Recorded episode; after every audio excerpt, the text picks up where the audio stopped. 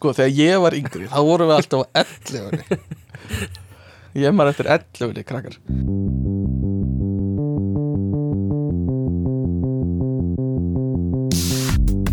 Halló er eitthvað að frétta. Já það er ekkert að frétta.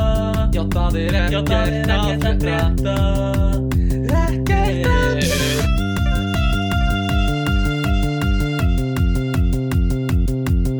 Já, verið velkomin í ekkert að frétta. Það er Stefán Gunnlaugur sem heilsar ykkur hérna að þessum líka frábæra sunnundegi með mér er Guðmundur Orri Pálsson 26 ára Hæ. hagfræðingur. Blessaður. 26 ára. 27 ára. 26 ára 27. hagfræðingur. 27 Ég- ára. Og uh, við segjum bara uh, takk fyrir að býða og takk, já, til að mikið með daginn það er svolítið síðan við gáum út síðasta þátt um, en við höfum einhver gleymt. Uh, þetta er bara búið að vera svolítið svona mikil törn hjá okkur báðum. Uh, og við ákvaðum að taka já, smá tíma í burtu. Uh, en svona kannski það sem að sér mest eftir er að að hafa ekki látið neitt vita neins staðar á neinum samfélagsmiðlum Já, Uh, ég, þetta var samt alveg óvart sko. Ég, Þetta bara, var, já, ég algjörlega fatt ekki hvað tímanum leið sko. Nei, klálega Og það er eiginlega ástæðan fyrir að við, við postum neins þar. Það var eiginlega alltaf svona, í haustum á mér planið að taka upp þátt í hverju viku.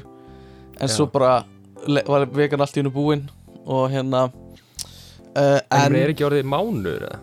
jó, það er mánuður Ég held allavega mánuður. Mm, shit, En uh, sorry. ég, uh, Ekki mér að kenna Sorry. Uh, En ég vil láta hlustandu vita að, að hérna Ég hef samt verið að vinna að Og taka upp podcastætti Í hinu podcastinu mínu. Þannig að ég var ekki að Gera ekki neitt Fyrir þá sem Já, hefur líka. áhyggjur af því. Þannig að ég, ég líka. Þannig að það eru fleiri þættir á leiðinni í Utjöhlaðarp Ski mjög áhugaverið þættir þar sem getur verið gaman að hlusta á. Leðilegasta podcast landsins. Já, uh, ég skal segja þú, þú mátt segja mér hvort þú finnist spennandi umræðefni sem við vorum að pæla í. Eða sem við erum að taka núna. Við erum að tala um rafíþróttir. Hvað stendur Ok. það? Nördalegt, uh, já, mér finnst það cool sko. Ok. Eða, hvernig ætlaði að tala um það? Við töluðum við hérna eh, konu, eða, já, konu sem er í rafíþrótta sambandinu er vara formaður eða eitthvað já, strax komið leið á þessu ok, segðu mig hvað þið finnst í alvörinni og hérna uh, svo erum við að tala, tókum við uh, þáttum risafyrirtæki svona mega corporations eins og Facebook og Google og Apple og svona. Þessar sem eru já, ja, ok, komin upp í trillion dollars baby. Gáttu þið tala við eitthvað um það? Við töluðum við aðalhagfræðing samkeppniseftirlitsins um það Já, Og ok. það var mjög áhugaverð þáttur svo er tókum við titillin aðal hagfræðingur? Já sem gefur, svolítið, sem gefur í skýna að séu sko varahagfræðingar eða aukahagfræðingar Ge getur við verið aðal forritari? Urglega sko og bara aðal hérna uh, podcastari sko Er þú aðal podcastari hérna? Hvað finnst þér? Þú Stefán, þú Uh, og svo tókum við þáttu um hérna tölvu öryggi tölvu við stelpu sem vinnur hjá tölvu öryggisfyrirtæki eða konu stelpu konu jafnaldrar okkar eru það Já. stelpur eða konur? uh, Það eru Er- stelpnur Já, það eru við töluðum við stelpnu um hérna uh, tölvu öryggi og svo eru, tókum við viðtal um futurisma og framtíðina og bara vorum að láta svona hugan reyka um hvað var að fara að gerast næstu 100 árum og við gerum það með uh, Sævari Helga, stjórnum Sævari betur þekktur Nei, rólegur, ertu með henni í símaskránu? Já, já, Í alvöru? og spýtæl Í alvöru? Nei, það ringir enginn í dag þetta fór bara gegnum eitthvað að miðla en það var líka mjög skemmtilegt. Já. og svo eru fleiri á, á, á dagskrá líka þannig að uh, ég er búin að vera að vinna í þessum getur, þú plugga sólmyrkva glerum bara on the spot eða? Þetta er, er auðlind sem er ekki endalist guðmyndur sko. Nei, Þetta er svona menn sem eru með hann í á Mm, samfélagsmiðlum. Ég vissum að getur rettaði fyrir okkur. Uh, En hvað er rauðvin dagsins? Hann náttúrulega reddaði okkur í gegnum stjórnufræði Já, hann gerði það, hann var kennarinn okkur stjórnufræði MR og uh, var ekki strangur á því að við myndum mæta í próf eða verkefni. Við Við fengum bara að sleppa Nei, Já, það? Við áttum að koma í það var meðanapróf eða eitthvað sem við áttum Já. að mæta í við vorum að taka upp held ég Já. og fengum leifi fyrir eitthvað svoleiðis og áttum alltaf að fara í prófið bara seinna Já, en hann bara, hann setti það aldrei fyrir netti ekkert að pæli og það skipti engum ekkert. Uh, en er já, ég var að spyrja hvað er rauðvin dagsins? Þú ert Er með með Merlot, Merló B&G Og það er er sko Já, nei, kláraði bara þitt. Já, á, ég, að ég er aðal podcastar ég þá lít Ég bara fyrir ekki að ég tala á undan þér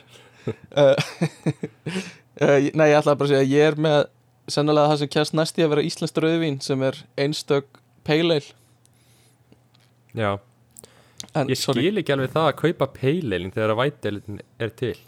Ó, já, ég get alveg útskýrt það. Ég ágjörna bjór, sko. Uh, Tommy Hver á? félagi Tommy félagi með skildan eftir henni í gær og Tommy félagir hann vill örgulega fá hann aftur. Hann er örgulega búið stiði að fá hann aftur þannig að, Já, þetta er alltaf 500 kall sem þú- ert að taka frá honum já alveg klálega, þannig að sorry Tommy. Uh, Ég en semst þú varst að fara að segja og er, býtu, varst þú búinn að Leif mér að klára Guðmundur. Ég þarf að leifa þér Ég þarf að leifa þér að tala. Þannig Ok. að gjörðu svo vel, nú mátt þú tala. Herri, ég er nefnilega að saga baka rauðvinni sem ég er með. Mm. Veistu hver gaf mér þetta rauðvin? um, uh, Mamma Júliu Uh, nei, Ok. leigu hérna landlordin minn.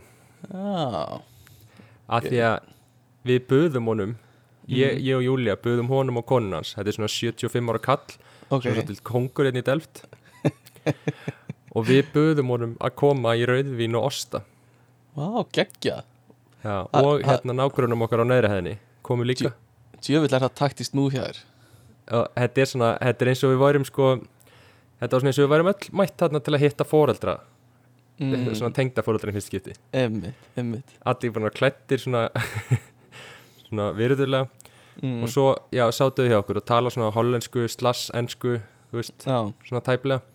Mm og ég passa bara upp á það að ef að bjórin hjá kallinum klárast þá er ég komin með nýjan bjór Það er sniðugt. Það og ég náði að hella kallin alveg vel í hann var, hann var búin að skipta bara yfir í hollensku. Ah, og það voru bara faðmlög og allir gladir þegar þeir fór út sko. Ah, Það er svo geðveikt sko, Það er svo sniðugt múf já því að svo daginn eftir heldum við sko húsparti Einmitt. Vinna sér í hægin já þannig að við og þá voru alveg 60 manns hérna í íbúðin okkar og íbúðin á neðri hæðinni. Já. Hvernig gekk það? og uh, það gekk bara vel sko.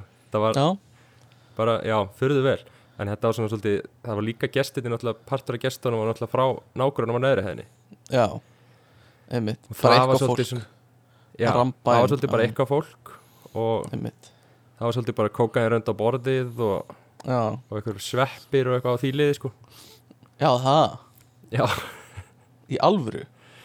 Þannig að það var svona smá výrt sko en Sætt. bara en, en þægilega við það er að það verða allir bara svona það er allir bara svona þægilegir skilur mm, ef fólk er á okkur svona lefjum eða kannski ekki kókaini en þegar Ekki okkur sveppum og eitthvað. Já Já þá er þetta bara, þú veist, það er allir bara eitthvað léttir á því þú veist, já þú veist, ég mestalega að fara að finna einhvern út í hotni, tíndan, skil Hvar er ég? Hvar er ég? Já. Já. uh, það var stemming. Já, það hljóma mjög vel. Uh, Þetta Það er aldrei verið að lifa lífinu þann úti.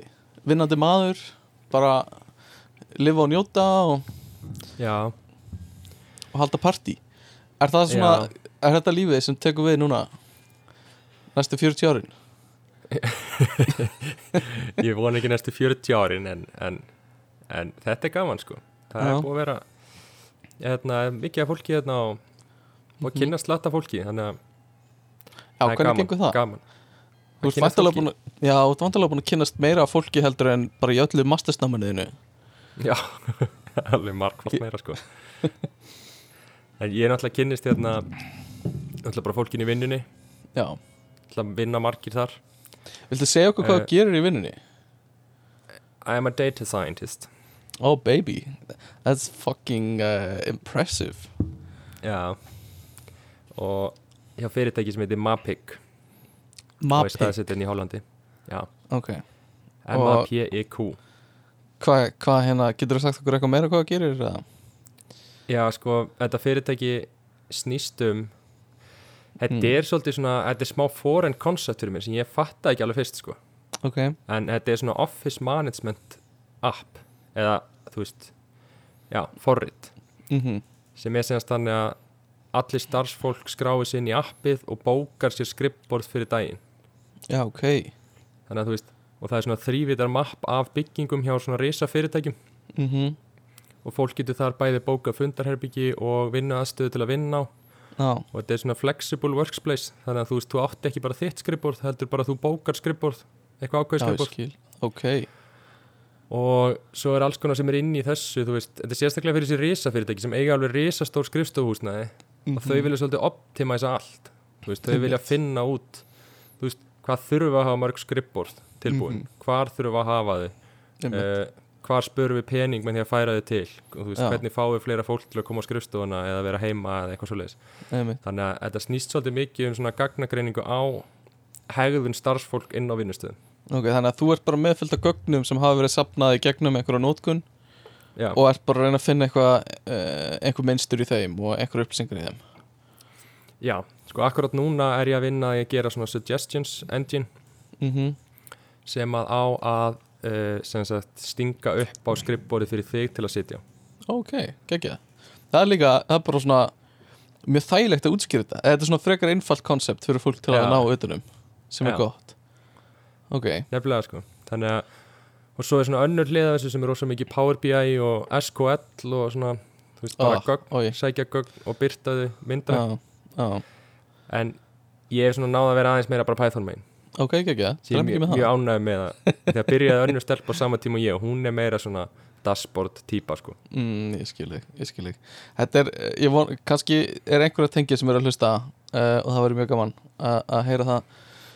Uh, En já, bara þetta hljóma mjög vel hjá þér og þetta er eitthvað sem er búið að vera að gerast bara síðustu mánuðin uh, sem við erum ekki búin að vera að taka upp. Þannig að já, að, það er bara það fyrsti mánuður minn og mm gott líka því nú er ég búin að fá staðfest ég fá að vera lengur sko. Fyrsti mánuðurinn er svona testmánuður. Einmitt, einmitt. Það er gott, þannig þú ert staðfestur til hamingju. Að já, takk. Uh, þeir, Já, þeir hljótaðu að vera sáttu með þig? Já. Þeir eru það sko. Ég, ég þetta er alltaf svo skrítið að maður byrjar einhvern veginn á vinnustæð og maður heldur að allt sé svo flókið já, algjörlega. Allt er svo erfitt og mikið að læra og eitthvað. Mm svo ertu bara svona þú veist það sem hver veit starfsmæður gerir í einhverju Mhm. fyrirtæki -hmm. er miklu minna heldur en það sem þú gerir í skólanum. Já, klálega. Þú veist, þú ert í áfanga og þú ert á einn eh, þú veist, þú ert í massa tölfræði massa Mhm. machine learning og svo einhver Mhm. big database management. Já, og svo kemur í einhver svona verk, verkfræði management stjórnur áfangi kannski til hliðar. Já, Já, svo fyrir að vinna og þá ertu bara með þú veist, þú er bara með frekar bara svona skilgreint hlutverk. Já, já, og þegar þú lærir henn á það þá bara er dagarnir frekar þælir Það er góðu punktur sko og ég held að það sé svo algengt að fólk fá eitthvað svona imposter syndrom sko. Já, finnast það ekki eiga heima eitthvað staðar. Uh, ég veit að ég fekk það massíft þegar ég byrjaði að vinna í vinninu minni fyrir nokkrum árum. En svo bara eftir þrjár vikur eða þú veist þú þarf bara að komast yfir kannski mánuð og Já, þá einmitt. ertu oft komin í bara ágæta rútínu sko. Já, já, ég var með massa imposter syndrom á til að byrja með sko. ég ég var bara þegar ég er með óvart. Mm, mm en þú, ég það, þú að ég hefði verið í tíu delft. Það sem er samt að vinna með þér er hvað þú ert hollenskur í útliti. Já, þau eru bara þessi gæja á heima þeirna já, þú veist þú hefði getað verið hollendingur. Já, það er alveg rétt sko. Ég er það eitthvað ég segja um nafni mitt Já, gudmundur Þú væri eiginlega að breyta þig bara í gummi von uh, von Arnheim. Já, von Arnheim. Reyndar, þetta var þetta, það sem ég var að segja er svolítið að gera ráð fyrir því að hollendingar vilji bara ráða aðra hollendinga sem Já. er kannski ekki rétt. Þannig að ég tek þetta tilbaka. Dreg þetta tilbaka. Þetta var, þetta var illa sagt já, það var er illa orðað hér ég vondur strákur, skam Já. Nei, það Eh, eru margir samt international að vinna þarna sko já, mig grunaði það sem ég held að sé mjög spennandi uh, vinnustæður við erum líka með þannig í deildinu minni sko, sem gerir staðin miklu meira að miklu skemmtilega að tala við fólk sko, finnst mér. Búin að eiga mjög áhugaverða samræðir uh, við, um, við strák sem kemur frá Kína uh, um Kína og kínuverska menningu og hvernig hann er að upplifa það. Og þú veist, það er alveg það er efni sem ég væri bara þú veist, ég vil ekki ég vil ekki fara of djúpt í það þetta er svona hans persónlega reynsla en ógislega áhugavert og ég væri bóka til í að taka þátt bara um Kína að þetta er bara svo fáralega mögnum menning sko. Það finnst þú að tala um það Ég líka, eitt sem ég vinn mest með í vinnunni já, Hann er frá Tyrklandi. Já, og ég dætt líka í svona samræði við hann. Hann að Einmitt. tala um hvernig er að lifa í Tyrklandi allt þetta Erdogan-mál og Einmitt. kostningar framöndan og eitthvað. Já við Einmitt. búum í einhverju svona, miklu, einhverju svona bublu landi. Já, bara 100% sko. Það er fáránlegt. Og alltaf bara eitthvað, já við erum bara 300.000 já, einmitt. Spurningi svo var alltaf er, þið ekki með appið þarna? Tjekki ekki okkur til sískinni Mér langar að slá fólk sem spyrir að þessu sko. Uh, en, en, en svo kemur aftur á móti að það er oft bara satt sko. Það er alveg sumur íslendingar sem nota þetta í þessu tilgangi Íslendingabók til að tjekka á þessu er það? Ég er alltaf jafn hissa En ég hef nokkur sem lendi að fólk er bara Já, ég tjekka yfirleitt eftir fyrsta date eða fyrir fyrsta date Aha. sem alveg svona lætur mig smá svona missa trúna á þjóðinu minni uh, en, en það sem ég ætla að segja líka var varandi Kína eða allan að mína samræður við þetta er hvað Íslendingar hafa mikla áherslu bara í einhvern hugsun okkar og, og tilfinningun okkar á bara einstaklingin og hvað við erum mikilvæg bara hver einstaklingur er mikilvægur Já. og þú veist frelsi einstaklingsins og, og hérna hvað bara skiptir mála öllu líði vel sem einstaklingar en eins og ég skinjaði út frá samræðunum mínum var þú veist hvað það er miklu meira bara að hugsa um heildina þar og þetta er svo ógíslega mikið af fólki Já, og þú veist já, það eru bara allir sammála um það að þú veist það sem er gott fyrir heildina er gott fyrir okkur öll eða þú veist. Þann, og, og það breytir bara rosalega miklu hvernig þú bara uh, hvernig þú neglir niður gildiðin sem er Já, mjög 100%. áhugavert uh, Já. en ég ætla að segja uh, ég með mjög mikið planað fyrir af þáttum í þessi podcasti fyrir inn í framtíðina og ég með mikið af hugmyndum þannig að við erum ekki að fara neitt þó við höfum tekið smá pásu og Slaki á. gæt slakið á, slakið á uh, neina hægt að senda mér skilabóð uh, nei, tjók, það er engin búin að senda mér skilabóð um, en ég ætla bara að segja það er, það er, þú veist, það er sad Nei, ok, það eru tveir, sorry, það eru tveir búin að senda mér. Það eru ekki búin að senda á Instagram okkar. Uh, Það eru tveir búin að senda mér persónlega Og svona beint og óbeint. Stundum í gegnum aðra mannesku En Mikið plana, það gæti verið að detti út Samt nokkur þættir viðbót Af því ég er bara að klára Að verja eftir tvær vikur Og svona ég Það er bara ógeðslega mikið í gangi Akkurat núna En það er mikið plana líka Og ég er mjög spenntið fyrir þáttunum Sem ég er með haustum á mér svo verða náttúrulega jóla þættirnir verða síðan algjör bomba sko. Já, bara þú veist, það verður þáttur á hverju einustu aðvendu það verður aðvendu þáttur Já. hverju einustu aðvendu og svo verða fimm jólaþættir og, og áramönda þátturinn í ár hann verður eitthvað annað sko. það verður tíu tíma langur við teljum niður að miðnætti. Já, byrjum klukkan 2 og endur klukkan 12 um, Já, ég ætla að bara mér langaði bara að vita hvernig væri hjá þér líka. Um, var basically mín, þú veist það sem ég ætla að spyrja, sem við erum búin að fara yfir. Um, Ég, Hey, persón ég með já, eini, ætlaði þú að fara að segja eitthvað? Nei, segð þú, klára þú ég var bara á með eitt viðbútt, ég fór til Hamburg. Mm ég, og fór á fyrir að frægugötu Rýberban Já, eins og það er allir að tala um þetta. Eða það, Ríverban, já, þetta er ógæðslega heitt núna. Það er allan að fimm fréttur á vísi í hverju viku um þetta. Og, um hvað þá? bara um götuna. Bara sögu Já. götunar er í gangi í Rýburbann götuna og hverju, þú veist, í hverju viku. Já Já, ég var ekki heillar að rýpa er bann, verða við ekki með það? Ok, Þetta er eitthvað bara skítuðasta gata sem ég séð í Evrópu sko. já, ok. Ég hef aldrei hýrt um hana. Hvað hérna, er, þetta djamgata? Já, sko þetta er svona djam og svona, æ, þú veist, strippklúbar svona og rauða hverfið svo já, ok, ég skil. Og ég kíkti þarna á sunnudags sko háti mhm, og ég rölti bara niður þessu götu áður en ég fer heim sko já, og á leiðinu mínu á röltinu og ég fer að borða þarna líka. Já. Þá sé ég hérna fyrst liggur ein manneskja með blóðugt andlit á jörðinni. Mm, fólk stendur yfir henni, klukkan er klukkan er 12 á hátegi og sunnudegi.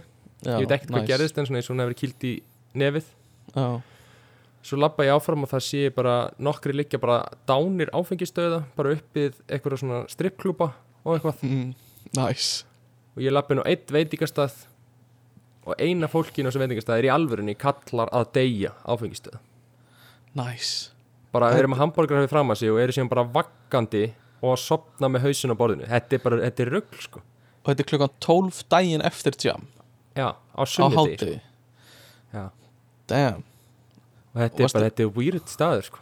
Já, það var þetta impressive. Varstu svona Já, ég vil, þetta er það sem ég vil fyrir mig, Já, fyrir þig. Í framtíðinni. Nei, varstu, svona- varstu svona, þú veist Það commitmentið í jamminu hjá þessi gaur Er svo fucking impressive. Taka þingumatinn búin að tengja. Ok, það var Eh, ekki það sem þú hugsaðir nei, nei, alls ekki. Ég, bara, ég var bara í menningasjöki sko. Ég bara trúði Já, ekki að ég- ég væri stattur í Evrópu sko. Ég trúi því, vá, þetta hljómar uh, Já, eh, samt áhugavert Hefur lappað um einhver önnur svona mjög ja- jamhörð hverfi eh, svona daginn eftir. Bara að pæla hvort þetta sé svona víðar eins og bara að þú myndir lappa um rauðakverfi eða þú myndir lappa um einhverja jamgötu í, í Birmingham eða eitthvað.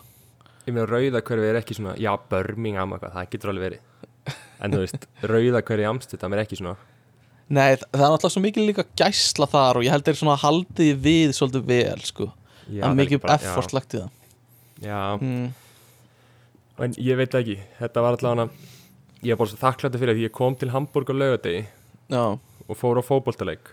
Mm og svo er maður svona búin að fá sér nokkra bjóra á leiknum og orðið svolítið svona góður Já. Og ég enda með einhverjum svona hóp af einhverjum svona Hamburg stuðningsmönnum. Þú þú ert að fara með vinniðinum hann, hann er þannig úti. Já, og þú ert að heimsækja hann og fara á fótballtaleik er það ekki svo leiðis? jú. Já ég heimsæki hann á föstudegi, hann býr í Bremerhaven. Ah, Þetta er eitthvað sem allir Íslendingar þekkja. Það eru sex Já. fréttir um þetta á vísi á hverjum, í hverjum. Bremerhaven. Nei, hann býr þar sko. Og svo Já. förum við tökum á lögadeginum lestina til Hamburg og þetta er náttúrulega bara svona stemming. Ég er ekkert mjög lengi að við erum svolítið að nýta tíman þú veist, mm byrja snemmi í bjórnum og, og Mhm. bara lengi fram eftir á föstudegi og svo leis Já. Förum svo leikin á lögadegi mm og svo við erum já, búinir með svolítið bjórum og leiknum og það er svo mikið stemming, það er svo mikið spjall í þjóðverunum sko. Já, þeir kunna enga ensku en þeir elska Mm. spjalla við á þýsku. Mér finnst það, það kemur óvart. Ég held að þjóður eru góður í ennsku nei, nei, nei, Ok, ok. Þeir vita ekkert. Það er svona einn og einn. Já, það En- er reyndar allt, allt döbbaði þýskalandi líka Þannig að krakkan er fáið ekki gegnum, já, geg, gegnum uh, Hollywood. En sorry, ég er að grípa fram með fyrir þér. Já, en sko ég já, þú myndir ekki trúa hvað ég er góður í þýsku eftir nokkra bjóra sko. ég er alveg bara Kristjana þýskukennar er bara í eironum á mér uh, Ég var til að heyra já, ég var ekki til að heyra til Ok, að gott. skemmi ekki ímyndina en En allan að svo fórum við og fylgdum einhverjum svona hópa stuðnismönnum og endum á svona endum á einhverju svona götuburum í Þýskalandi sem er svona Mhm. þýskasta svo þú finnur Já svona trjákassabarir sem eru bara eitthvað mm mm. veist, við hraðbrytina -hmm. og við endum bara þar og endum inn á einhverjum svona já útibörum og erum bara konir í að taka bjór og skot með einhverjum svona sem vinna nei, einhverjum bara svona þjóðverjum og eitthvað. Já, bara klassísk. allt ógstlega skrítið. Já, þetta er bara svona þetta er bara svona, þú veist, þarna verið í Hamburg er, ok, sorry, ég verð að stoppa þig. Uh, Það sem hlustendur sjá ekki var að Gummi var að taka grjótart move það er að segja að hann var að grípa flug, flugu með puttunum sínum og kremjina á milli puttana og meðan hann var að segja söguna Já. þetta, þetta Og var, he- heyrir ekki neitt á mér nei, ég var að, ég hef sjálf að sé neitt jafn hart og þetta Já. ok, sorry En allavega við, og þetta kvöld eftir við erum búin að vera þarna að hanga á þessum götubörum og eitthvað svo leiðis mm. þá ætluðum við næstu því að fara á Reaperban af því að Já. maður þurfti að sjá það það er svona eitthvað þekkt gata ok, eftir að koma átna sunnudeginu daginn eftir þá þakka ég bara guði fyrir að við höfum ekki mætt átna á lögadegin ég held þú væri já, þú væri þú væri bara ennþá onni einhverjum hambúrgara núna. Bara, þetta er bara hræðilegt, ég bara mæla ekki með ekki fara með fjölskylduna til Hamburgur nei, ég, ég bara þetta er gott PSA, þetta er gott svona fyrir fólki heima til að vita. Já, Uh, ég ætla ekki að fara mikið fleiri ferðið þannig allavega. Nei, en hérna sko umræða okkar í, í, í dag er vandræðilegt uh, og það er sponsað af uh, spjallþáttum í bandaríkjunum. Og hérna spjall eh, viltu spjalla uh, og viltu hlæja? Spjall þættir í bandaríkjunum. Slagur þeirra. Vá. takk. Og hérna, takk. Uh, en hérna uh, mér langar svona að leiða okkur að sinni þetta og til þess að gera það þá langar mér að vera með svona uppistand eins og við erum stundum með. Ok, uh, en það er ekkert undirbúið við það og mér langar bara að þú hlægir mér langar ekkert fá neitt pitt í hlátur. Ok, bara til að sjá hvort það getur gert þetta eins vandræðilegt og hægt er. Þannig að, að ég reyna að segja eitthvað og Ok. reyna að segja eitthvað fyndið og ég, ég veit ekkert hvað ég er að fara að segja og við sjáum bara hvort við getum gert þetta mjög vandræðilegt ég er tilbúin og ef þú getur sagt eitthvað til að gera það ennþá meira vandræðilegt þá máttu endilega gera það. Uh, þannig að ég ætla að ég vil eitt fer ég við frétti vikunar fínt að opna bara uh, vísi og skoða fréttinar og fyrsta fréttin er Er ég þarf að fara þess? já, ó. Um, uh, ég veit ekki hvort við eigum að halda áfram eða ekki. Um, já, höldum bara áfram uh, það er sérst fyrsta fréttin er Það er Eh, ekki gott? Jú, mér finnst það gott. Ég vissi ekkert hvað þetta gera. Sest, Fyrsta fréttin er smitaður sjúklingur af COVID-19 lest á landsbytalanum er fyrsta fréttin okkar um, maður spyr sig Co- COVID-19 Akkur uppdeita er þetta ekki í COVID-20 og 21 það, það hérna það er, það er svolítið verið að gera ráð fyrir að það verði hérna verði Þetta er eitt pæling. Þetta er þreytt bæli, ok, höldum áfram. Uh, uh, Það er verið að tala um að, að hérna Já, Apple var líka að gefa út nýjar tölfur í vikunni og uh, þau voru að skýra hérna örgjöruna sína eitthvað Pro og Max og eitthvað svona. Uh, Ég væri til í að sjá þetta freka bara uh, e eitthvað svona Apple Cake eða Apple Pie og hérna e, e, e, grí, green, app, green Apple. Um, Nei, ok uh, eitthvað fleira sem var að gerast jú, Þórólfur, það hefur svolítið skjóta hart og Þórólf undarfarið um, Þórólfur eins og allir vita er, er sóttvarnarlagnir um, Tveir COVID-vandarar Akkur er, er hann að lækna sóttvarnir? Akkur, mm, nei. Um, Það var Það var hérna Það var nýva maður í Tókjó sem var að, í jókerbúning að stinga fólk. Og maður spyr sig bara Akkur jókerinn þegar þú getur verið þú veist, Anders Berre Breivik eitthvað svo leiðis Oj, um, Ok, ég, ég held að þetta sé komið gott Hvernig var þetta? Þetta var mjög vandræðalegt Já, ok Það er En hvernig leið þér? Fannst þetta vandræðalegt? Alveg svona smá um, Já. ég, Já, mér er þetta svolítið óþægilegt þú fóst sko. Já. Ég vissi ekki hvað ég ætti að ætti að gera sko. um, Þannig að, að þetta leiður okkur inn í, inn í þetta Ert þú gjarn á að verða vandræðilegur? Já, ég er það sko.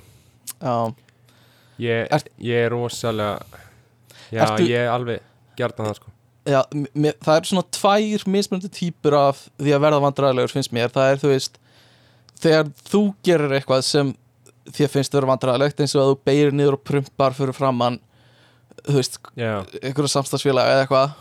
Uh, og svo er hitt þegar þú ert bara, þú veist að horfa á eitthvað, upplifa eitthvað ert með í herbyggi af einhverjum öðrum sem er að gera eitthvað skrítið eins og þú veist uh, eins og að þú ert komin í einhvern harðan emo-gæja og hann er bara, þú veist bara emo yfir sig einhvern veginn fyrir fram að þig og í kringum alla og þú færð bara svona þú veist, þú færð bara svona vandræðileika sem smitast út og þú veist, þér líður bara vandræðilega að vera þarna. Um, já, það er, þú er svona krindjar Já, þú krynsjar og líka bara eða bara ver, finnst líður vandræðilega fyrir hönd einhvers annars. Eins og þegar þú horfir á idolpröfur og það er einhver að syngja sem kann ekkert að syngja svoleiðis og hann byrjar að Ég- svitna og þú byrjar að svitna það sko. Ok, ok. En, en hvort ertu svona viðkvæmari fyrir heldur Veist, ég er, ég er viðkamari fyrir þú veist, ég verð vandræðalegur sjálfur ef Já. ég ger eitthvað sem mér finnst vandræðalegt. Mm -hmm, mm. En Einmitt. ég bara alveg, ykkur annar ætlar að gera eitthvað vandræðalegt þá líður mér bara, bara vel sko. Ok, ég bara, að ekki það- það með nei það er mjög gott. Ég hérna Þetta er ekki beint vandræðilegt en ég lendi í þessu núna bara fyrir nokkru dögum, þá var ég á kaffihúsi og uh, ég verið svolítið á kaffihúsi upp á síðkast að, að hérna vinna í rítgerð rítgerðinu minni. Uh, vinna í einhverju rítgerð og uh, hérna það er kona við hliðina mér. Og ég teki svolítið eftir upp á síðkasti að því ég er með svolítið mikið skegg og eitthvað svona að mað, maður er trítað svolítið öðruvísi þegar maður er með skegg og, og hérna lítur svolítið út fyrir að vera svona aðeins grófari en maður er. Já, og þessi kona stendur upp sem við hliðin á mér og uh, er að fara á klósettið og hérna lítur í kringu sig og, og horfir á mig og við horfumst í augu í smá stund og ég hef svolítið verið að vinna með það sko að ef einhver horfir í augun á mér þá fer ég í svona eye contact chicken skilur ég Já, ætla þú ekki að vera já, ég ætla ekki að brjóta eye contactið fyrst sko. Allavega, við horfumst í augu og svo snýr hún sér að næsta borði sem er lengra í burtu og segir nennið að passa dótið mitt að menn ég fyrir á klósitið og hérna nú í staðan fyrir í fyrsta lega að spyrja mig þá var eins og hún sé að gera ráð fyrir því að ég sé að fara að stela einhverju eða eitthvað svo leiðis eftir að hafa hort á mig. Já, hann varst Eh, ekki með headphone þú ert alltaf með headphone. Að gæti ég er ekki viss sko. Ég er svona, ég er svolítið on og off með headphone-na en það gæti alveg verið, það er alveg góðu punktur. En já, ég er ekki viss sko. Uh, en ég, maður svona ég hef alveg tekið eftir svona þetta, það verður meiri svona sem maður upplifir eftir því sem ég maður er er meira algjörlega skemmt þessu sög nei, alls ekki sko. varst ekki með headphone? Alveg þetta er góð punktur sko. Þetta er mjög góð punktur og ég þurfti að hugsa en ég held, nei, ég var ekki með headphone á þessum tíma sko. Mm. uh, en hérna ég, eh, já, ég tek eftir þessu meira þegar ég fæ meira skegg sko. Fólk er svolítið hrættara hrættara við mann sko. Ég þegar er líka bara svona skilða alveg sko. Já, já, svo sem. er En það er ekkit, það er ekkit svona rosa margir með svona þjætt skegg eins og þú. Nei, og það er eitthvað svona metal stigma í kringu það sko. Já, Sem að sé eitthvað svona metal- Dillon, já, hver er Dillon? barinn. Já, já, Dillon, ymmit, ymmit, ymmit algjörlega, klálega sko. Svona líka gamli ellavan sko. Svona þannig dæmi. Uh, Akkur þú En- að segja, akkur þú að segja, þú veist, þú ert ekki nógu gamall til að tala um gömlu 11 Sko, þegar ég var yngri, þá vorum við alltaf á 11 Ég maður eftir 11 krakkar um, En Já, ég tók eftir þessu og, og svona láfið ég, Mér fannst þetta ekki vandræðalegt En mér fannst þetta svona smá uh, Þetta var alveg svona smá Svona lúmst skotjáni á mig sko. Já Það- En er þetta ekki líka svolítið að þú vilt sann? Já, bara ekki, ekki ángra mig.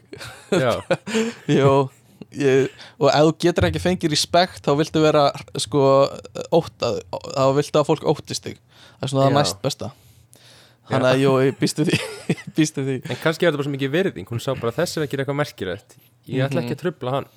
Já, í hætti peysunum sinni með að- hérna ógisla þungt inn í tölvunum sinni. Það getur verið sko. Já, með Bjarnar Töframanni og eitthvað uh, en hérna hvað hérna ég er svolítið gætn á það svona vandralegt sem ég hef lent í. Ég dett stundum upp úr þurru. Og það er alltaf svona jafn vandralegt sama hvað aðstæður það eru. Uh, og sérstaklega núna þá er, þú veist, þegar ég dett þá er það þú veist, þá er það uh, svona hálfa leiði þú veist, hátt í 200 kílóa veist, hlungur sem er að hrinja, og, uh, og það er alltaf svona fólk verður alltaf bara hrætt sko. Það, ver, það er er ekkert eitthvað svona radís í kringum það fólki. Já, og það kemur eitthvað sem mælist á ryktarskalanum en oftast þá næ ég samt að grípa sjálf á mig. Þannig, að þetta lítur út eins og ég sé bara svona svona að byrja að chargea á eitthvað ef einhver er að labba móti mér og ég er svona hálfu misti mig og svona hrasa fram fyrir mig það er eins og ég sé bara að fara á sprettin á þau uh, þannig að og svo stoppa ég alltaf bara snögglega og þá kemur aftur svona eye contact þar sem þau eru bara skítrætti framann ah, Shit, hvað er myndi, ég er svo mikið að sjá þetta allt fyrir mér. Og ég lendi í þessum daginn þegar ég var uh, að labba á laugaveginum og uh, og svo, svo kemur alltaf þetta sko, Gauðir, er lægi með þig? Er, er alltaf lægi? Og ég bara, já, þú veist ég bara hrasaði smá, skilur en Já. það verður svona rosa big deal af því ég er svo, þú veist já, svona stór og mikil, þannig að Heldur er það? eitthvað já, klálega sko ég held það uh, ég held það skipti máli þetta er svona, uh, já og líka það er alveg læti sko þegar þetta gerist maður er alveg Læti, er Það eru bara læti? Er, meina bara það sem kemur út úr mér skilur, ég er bara fuck eða eitthvað svona, skilur Já, en uh, ég lendi líki í þessu einu sinni í skóla í, í Hollandi. Þá var ég og Aggi að lappa út úr út úr uh, einu byggingunni og bara fyrsta skrefið mitt út úr svona ringhurð uh, svona spinninghurð. Uh, þá dett ég og uh, ég svona, en ég næ ég dett alveg á, gól, uh, á jörðina en næ einhvern veginn svona að rúlla mér og stökkva aftur upp í einni reyfingu og það leit svolítið út bara eins og þetta væri eitthvað bara svona planað move hjá mér að rúlla mér út úr byggingunni í kringum allt fólki sem var en þetta var ekki eitthvað svona hann, ó, hann misnir sig að hann datt over það er bara þegar hann kemur út byggingu þá hoppar hann og rúllar. Akkur er en, þú veist, í fyrsta lagi bara til að dett ekki á andliti eða eitthvað þú veist, það var svona snýrið að mér og svo var ég bara, þetta var að vinna með mér ég var bara í, gó- þú veist, þetta var góðu skriðþungi og ég bara einhvern veginn náði að rúlla og stökku upp í einu hreyfingu. Og hérna og svo held ég bara já, og til þess að láta þetta líta minna vandræðilega út, þá held ég bara áfram að labba sem gerði þetta smá lúka meiri svo þetta væri plana move þannig að um, hann að, já, ég lendi, ég lendi stundum í þessu. Og- hvað það fyndi og þetta er ekki eitthvað svona að jafnaði mitt sé eitthvað lélegt, þetta er meira bara svona ég, ég, ég snýja, ég, ég er svolítið gætna á að snúa mér öklan Já, það kemur stundu fyrir og þá gerist þetta sko. Þú ekki Um, að prófa að reyma skóna. Já, það getur snöðið sko. Mm.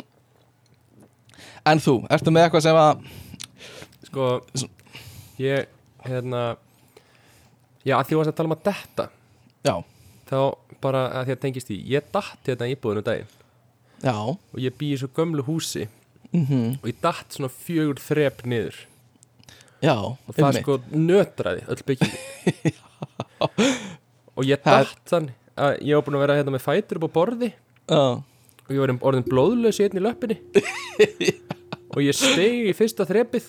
Já, Og þú veist, hliðar vöðvin Virkaði ekki á sköpunum. Þannig að það var bara ekkert. Þannig að ég bara svona Ég fjall bara svo törn Þú veist, ég rasaði ekki henni Ég bara Já. steig niður og svo bara byrjaði ég að halla og gæti ekki gert í þá hrundi og þá drundi í húsinu sko.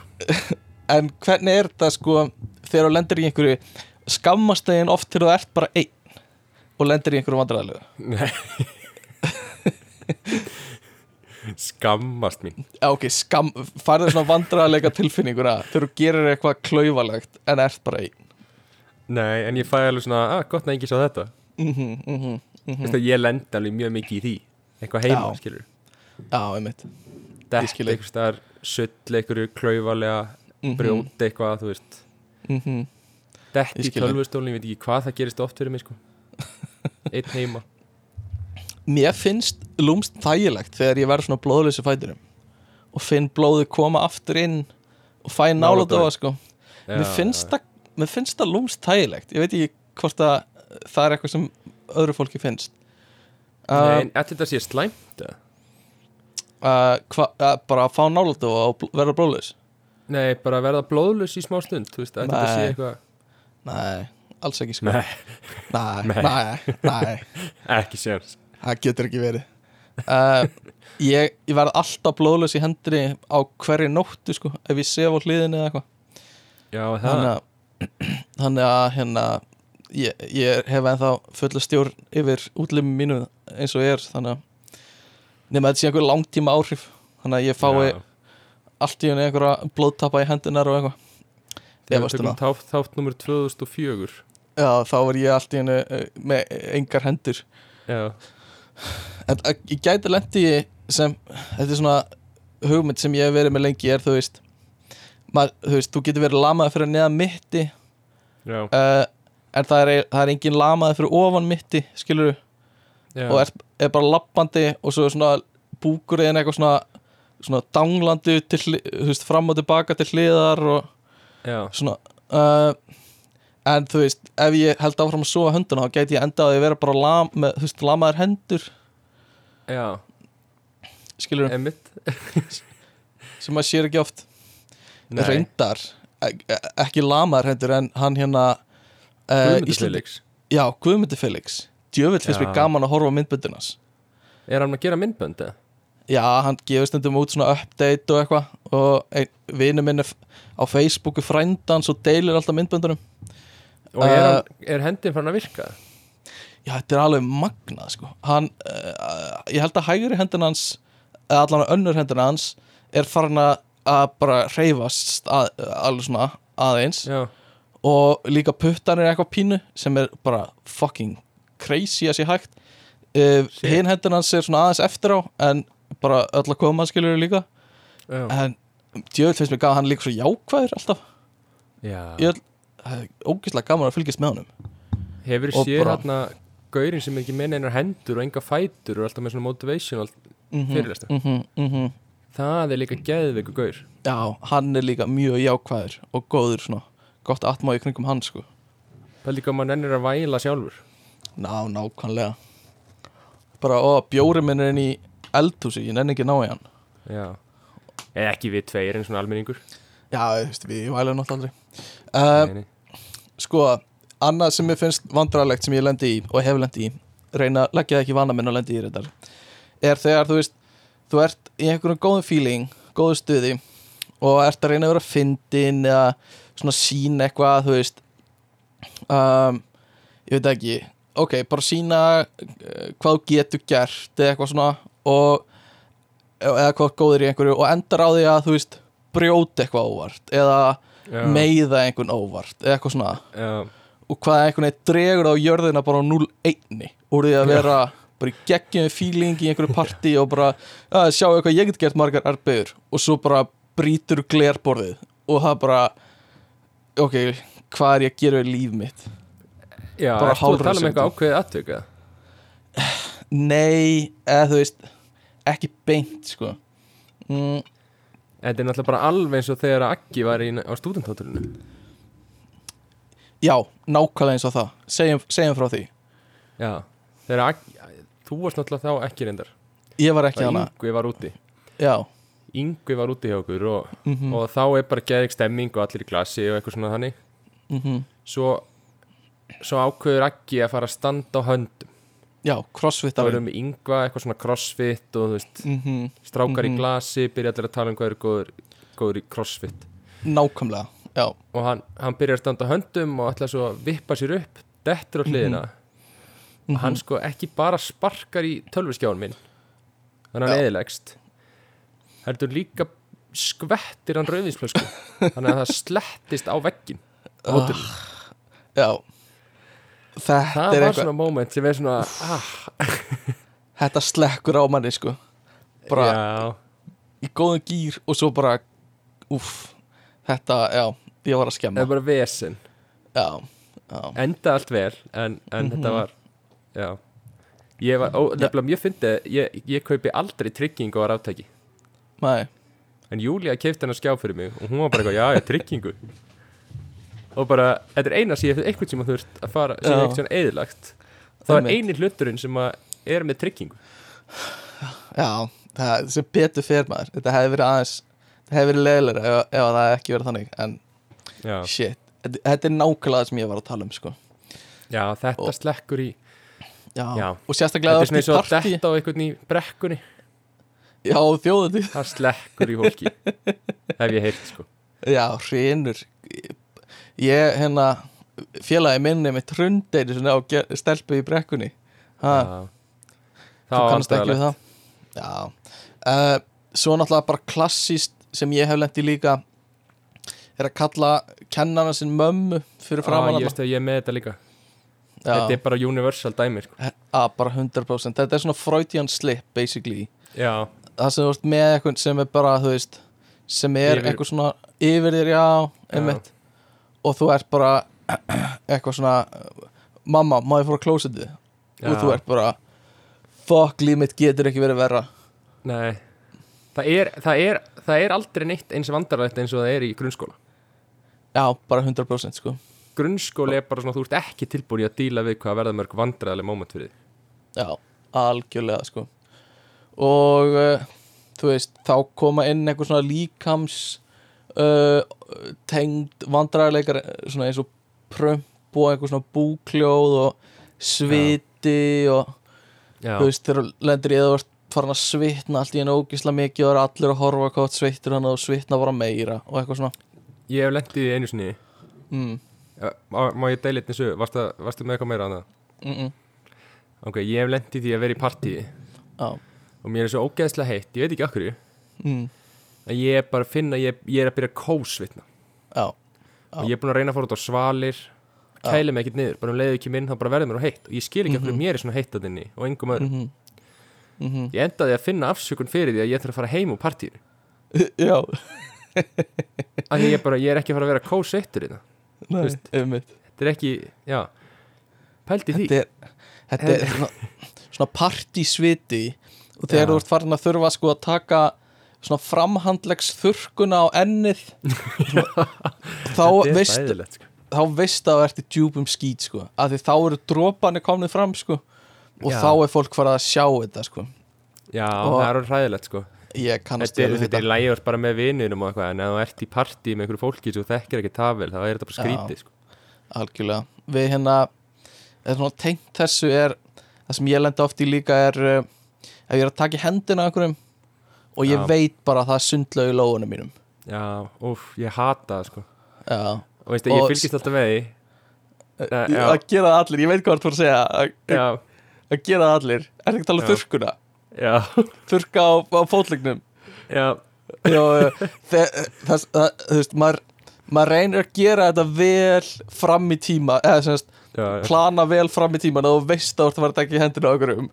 Og þannig að það sjáist ekki bara tveimur sekundum áður og þú tekur í honum og sért að þurrka. Þannig að þú rennir gera, og þú vilt gera svona mínútu eða tveimur áður en þú tekur í hendina einhverjum. En þegar þú færð bara svona spontant handaband þá bara eru góður á dýr sko. þá þarftu Já. bara uh, þannig að ég sé það er samt ekkert skemmtilegur og finnar að heldur en þú sérð sko hina mannskina líka verið að gera þetta. Þá ertu svona ok, Já. bróðir, við erum á sama stað. Já, En- en veistu hvað er það, það, er samt- það sem er verst. Já, er að þú fær spontant handabad tekur í hendina manneskinni já, og sérð hann að þurrka já, já, um leið og hún er búin að taka í hendina þína. Það það er svo langverst sko. Það er alveg hræðilegt. Sko. þá langar við bara heim. Já, við líka. Oh, Hvernig, já Það er langverst sko. En þetta er, ég, hva- sko ég, hvað segir Ég var, ég, bara, hvað ertu með meira? Já, sko ég ætla að segja með þetta. Ég var með svona, ég var byrjað að þetta voru andlegt hjá mér sko. Að ég Mm. bara, ef ég vissi ég var að taka höndina okkur um þá Mhm. bara var ég ég hugsaði bara höndin mín er köld.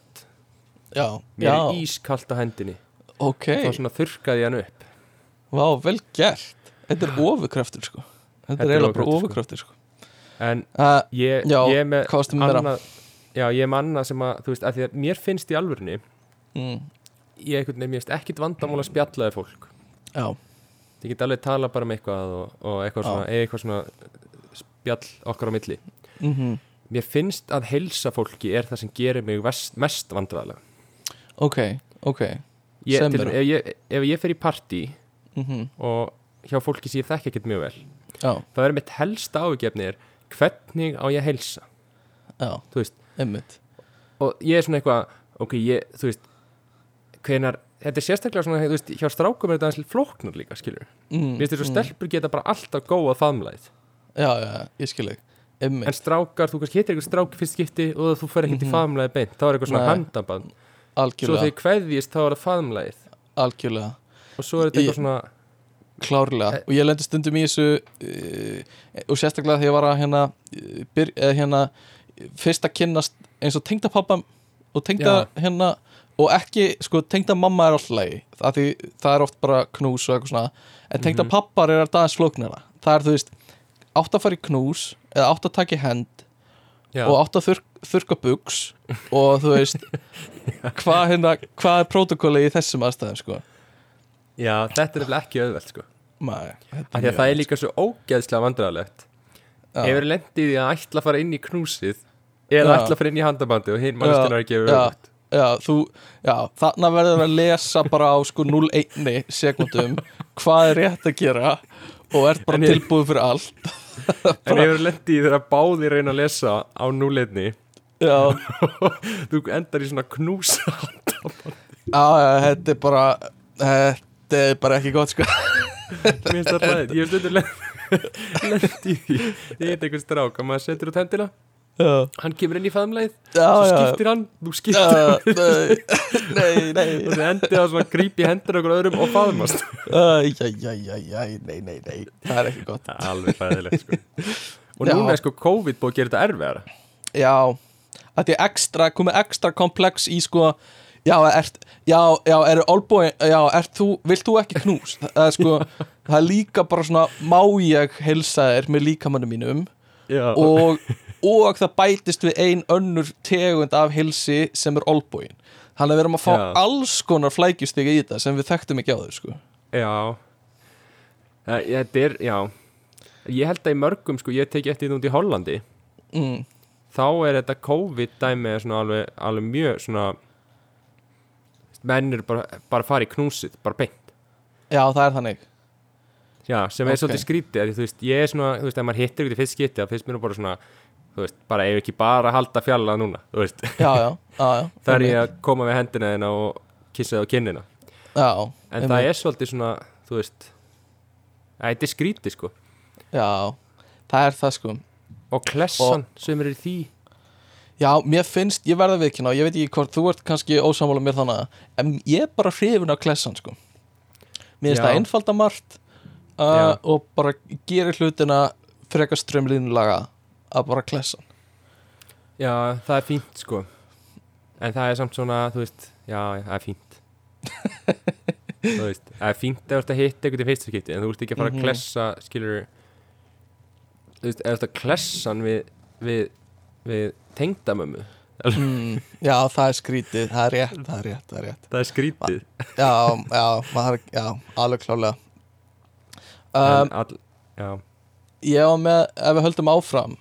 Já, uh, alltaf vandræðilegt klassíst vandræðilegt uh, og svona sem örgulega flestir eða margir þekkja er sko dansinn sem kemur upp að reyna að spurja einhver á fyrsta stefnumót. Já, og þú veist það sem þið eru bæði eða báðar eða báðir uh, að hérna þú veist, viti ekki hvort manneskjan er til í það en ykkur Já. grunar það en þau viljið samt halda möguleikunum opnum að þessu ekki til í það. Og uh, það er svona uh, ég væri alveg til í að sjá nýju Lion King myndina ef að um, þú hérna Þú eða einhver. þú e eða einhver, þú veist, kannski bara vínahópur eða, bara þú skilur það er líka alltaf lagi. Og hérna, ég heyrt að hún sé mjög góð og svo er hinn manneskjan kemur með bara svona frekar loðið svar bara eitthvað svona, já ég er bara til í allt. Ég er bara, bara opið fyrir öllu sko.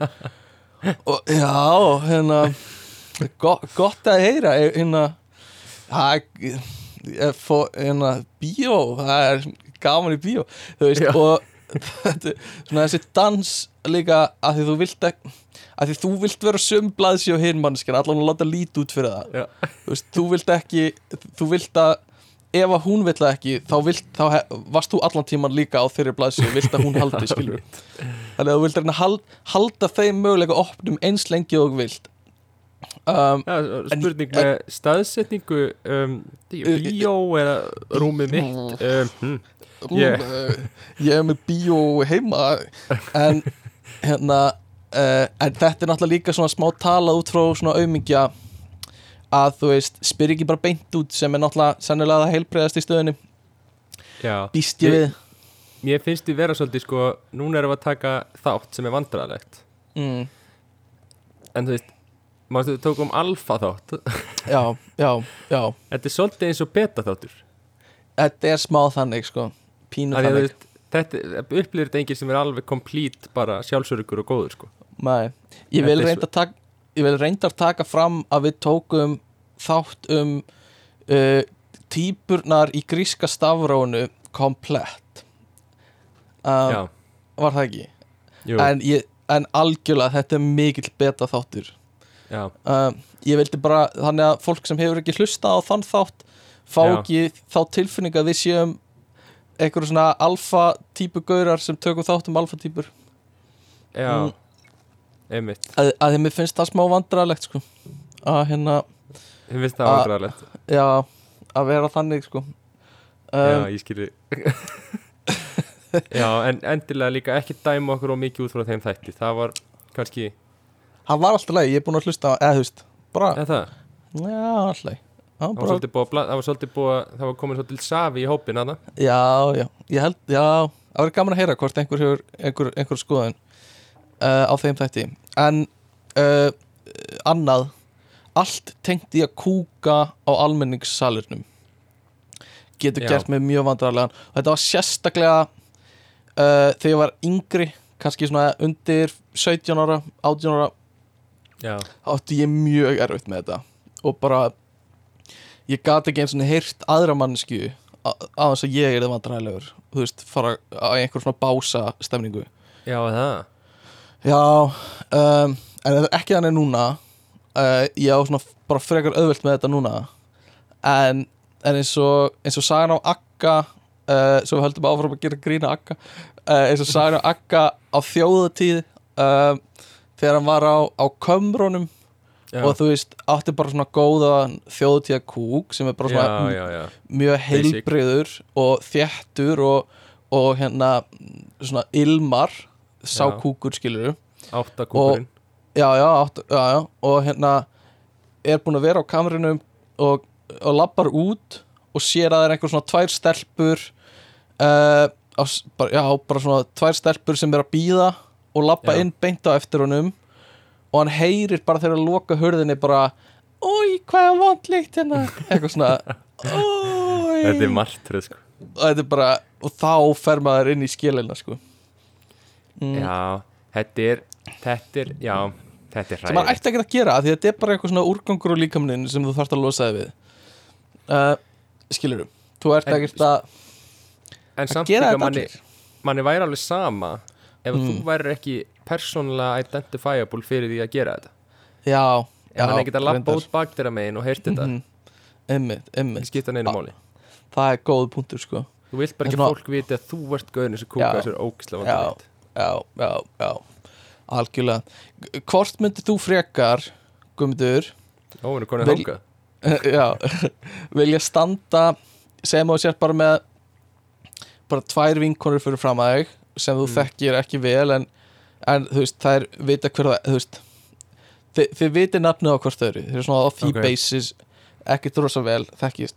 Hvort myndi finnast óþægilegra að þær myndu þú veist, lappa inn á eftir inn á kamar og sjá kúkiðin Já, eða að þú myndir standa fyrir fram að þær þú veist, nakin en þú gætir haldi utan um klófið þitt skilur, þú ert ekki að flassa þær. En þú veist, þú, end, þú lendir í þeim aðstæðum að vera bara þú veist, nakin og bara heldur fyrir klófið þitt hvort myndið finnast óþægilegra?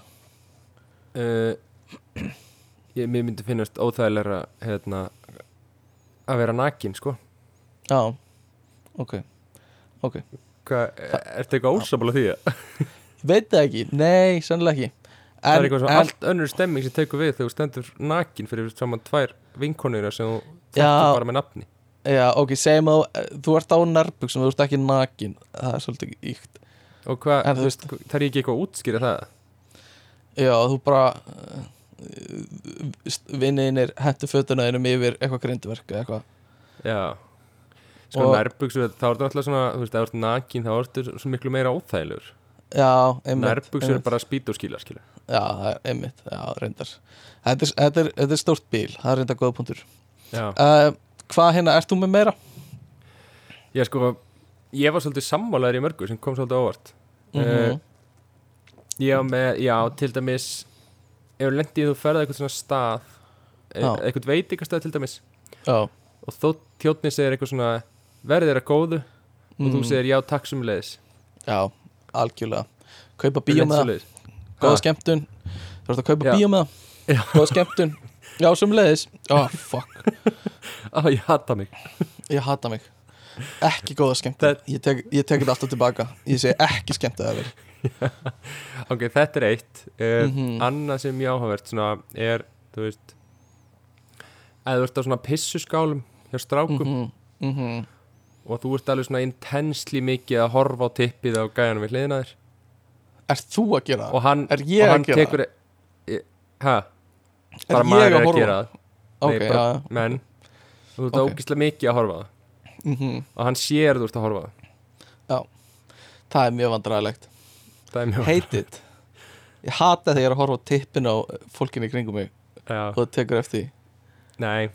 En ég, þetta var djók sko. Ég, hérna, En pissuskóla stemmingin er alltaf, alltaf smá vandraleg Já, það er vandræðilegt þegar þú ert að pissa og það er nóg að skálum í kringu þig en mannskan Já. velur samt skálum við hliðina þér. Já, veist, það er svona hvað ert að gera, stemning já Það, en, bara- bara, þetta er líka bara alltaf skrítið stemming Þetta er eitthvað svona, það allir mjög svona vulnerable á þessum tíma Já, Svo einmitt, kannski mjög einmitt. fullt og þú veist, þú þarft að fara á milli Já, það er ógislega skrítið líka sko að býða að því að það er Mm. ein á milli alls staðar. Skilur, Já, reyndar, Það er það er líka sko Það er líka Mhm. Það er bara Reyndar. wow, rólur og óörugur Já, einmitt, Kóttu bara þú veist. einmitt Þannig að það er Lík- skrítið og svo þú stendur þarna þá er svona skrítið stemming að þú ert eitthvað svona við erum, þú veist, mjög nálætt hver öðrum en Já, þú veist, nefnum sérst á þjóðátíð þá ert ekki að fara að tala við mannin sem við hliðina mm mhm, einmitt, einmitt.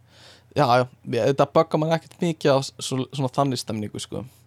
Þetta er meira svona ert í sælabankunum sko Eitthvað Já, uh, Eitt sem mér finnst svolítið óþægilegt eða svona vandrarlegt sem ég lendi oft í er Þú veist þegar maður er uh, í búð og þú veist, þú ert að kaupa þú ert í hérna tankransferðinni svo, þú veist, svona Já. mánaðalegu og þú ert að spurja um, þú veist, tangriminn og starfsmæðurinn er ekki búinn að fara á tankremsnámskeið eða eitthvað svoleiðis og getur ekki svara spurningunni já, skilur, og þú ert allt í hennu komin í þá stöð að, að þú veist, þú veist meira um tangriminn þú veist, og hann er bara eitthvað með Colgate og eitthvað, en ég, þú veist en maður er einhvern veginn komin langt yfir það. Já, skilur við, minnst svona fáránlega pælingar sem eru eins og í hagkaup, sérstaklega á krónunni það sem, þú veist, þau geta bara ekki svarað þessum venjulegu tangremspurningum sem maður er með. Skilur við Þetta er erfið krafa. Þetta er bara 15 ára að já. Uh, En ég verð ógeðslega, meðvitaður ef ég spyr Mhm. spurningu.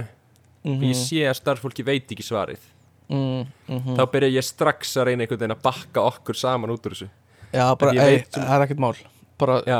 ég finn þetta Ég bara, bara- þetta er já, allt góð nei, nei, ég googlaði þetta bara. Þú veist, Ég- ég, einhverju farin ætlar að fara að ná í einhvern verslunarstjóra til að spurja um eitthvað, Einmitt. þú veist, einmitt, hvort það sé 12 vattar hlæðslutæki þú veist.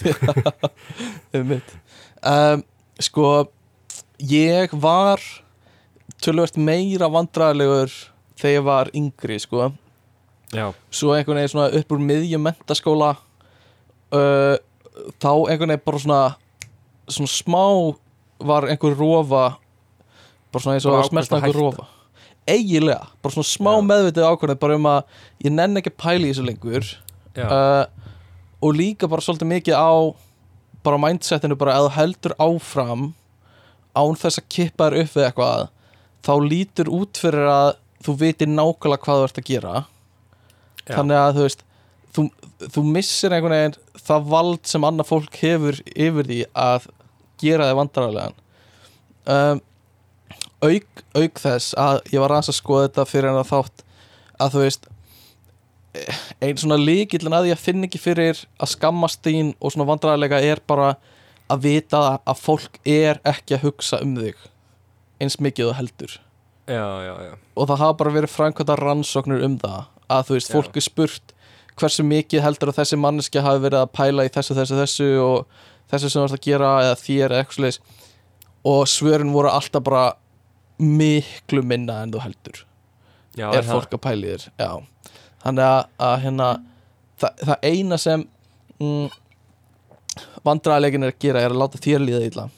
Og ef ég má vera með smá svona smá kynningu á vandræðilega og skömm svona blandast svolítið saman, það verður svolítið loðið. En þá er þetta eitthvað sem var þú veist uh, þessi tilfinning að verða vandræðilegur og skammast sín og fara svona inn í sig er Já. eitthvað sem bara kemur bara úr þróunarsögunni fyrir löngu, bara undan eiginlega fight or flight viðbröðun sem er í gamla heilaneðinum já, þá eru þessi skömmviðbröð sem er basically bara play dead, bara láta þess að þú sért dauður varna viðbröð já, já, og þess vegna förum við inn í þessa tilfinningu bara við viljum bara dragast inn í okkur við viljum ekki gera neitt við viljum Já, bara bara enginn sjáu já, við viljum bara hverfa bókstaflega. Það er bara því já, bara það að vera að ráðast á okkur og við vildum bara hverfa eins mikið við getum.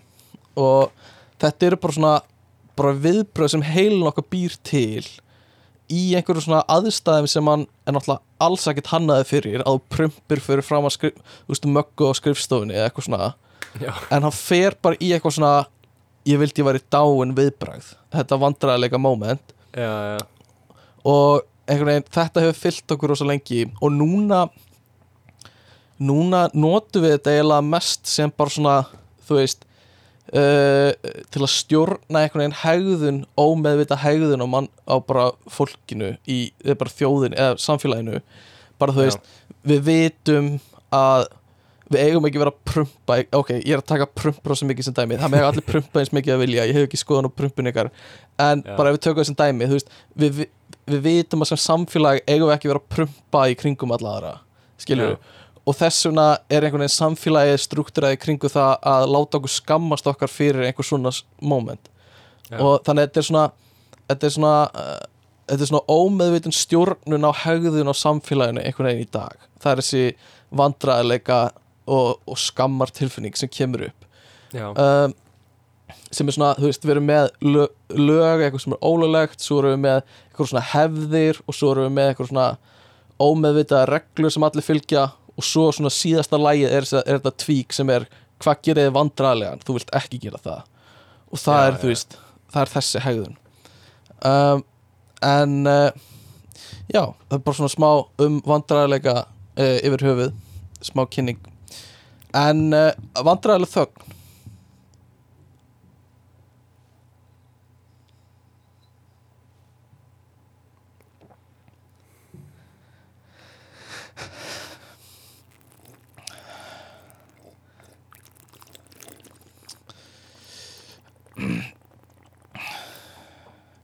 Já, s- eins og þú varst eins og ég var að tala um líka byrjun sko, þá erum við með eh, eitthvað sem við köllum e, e, e eða í og eh,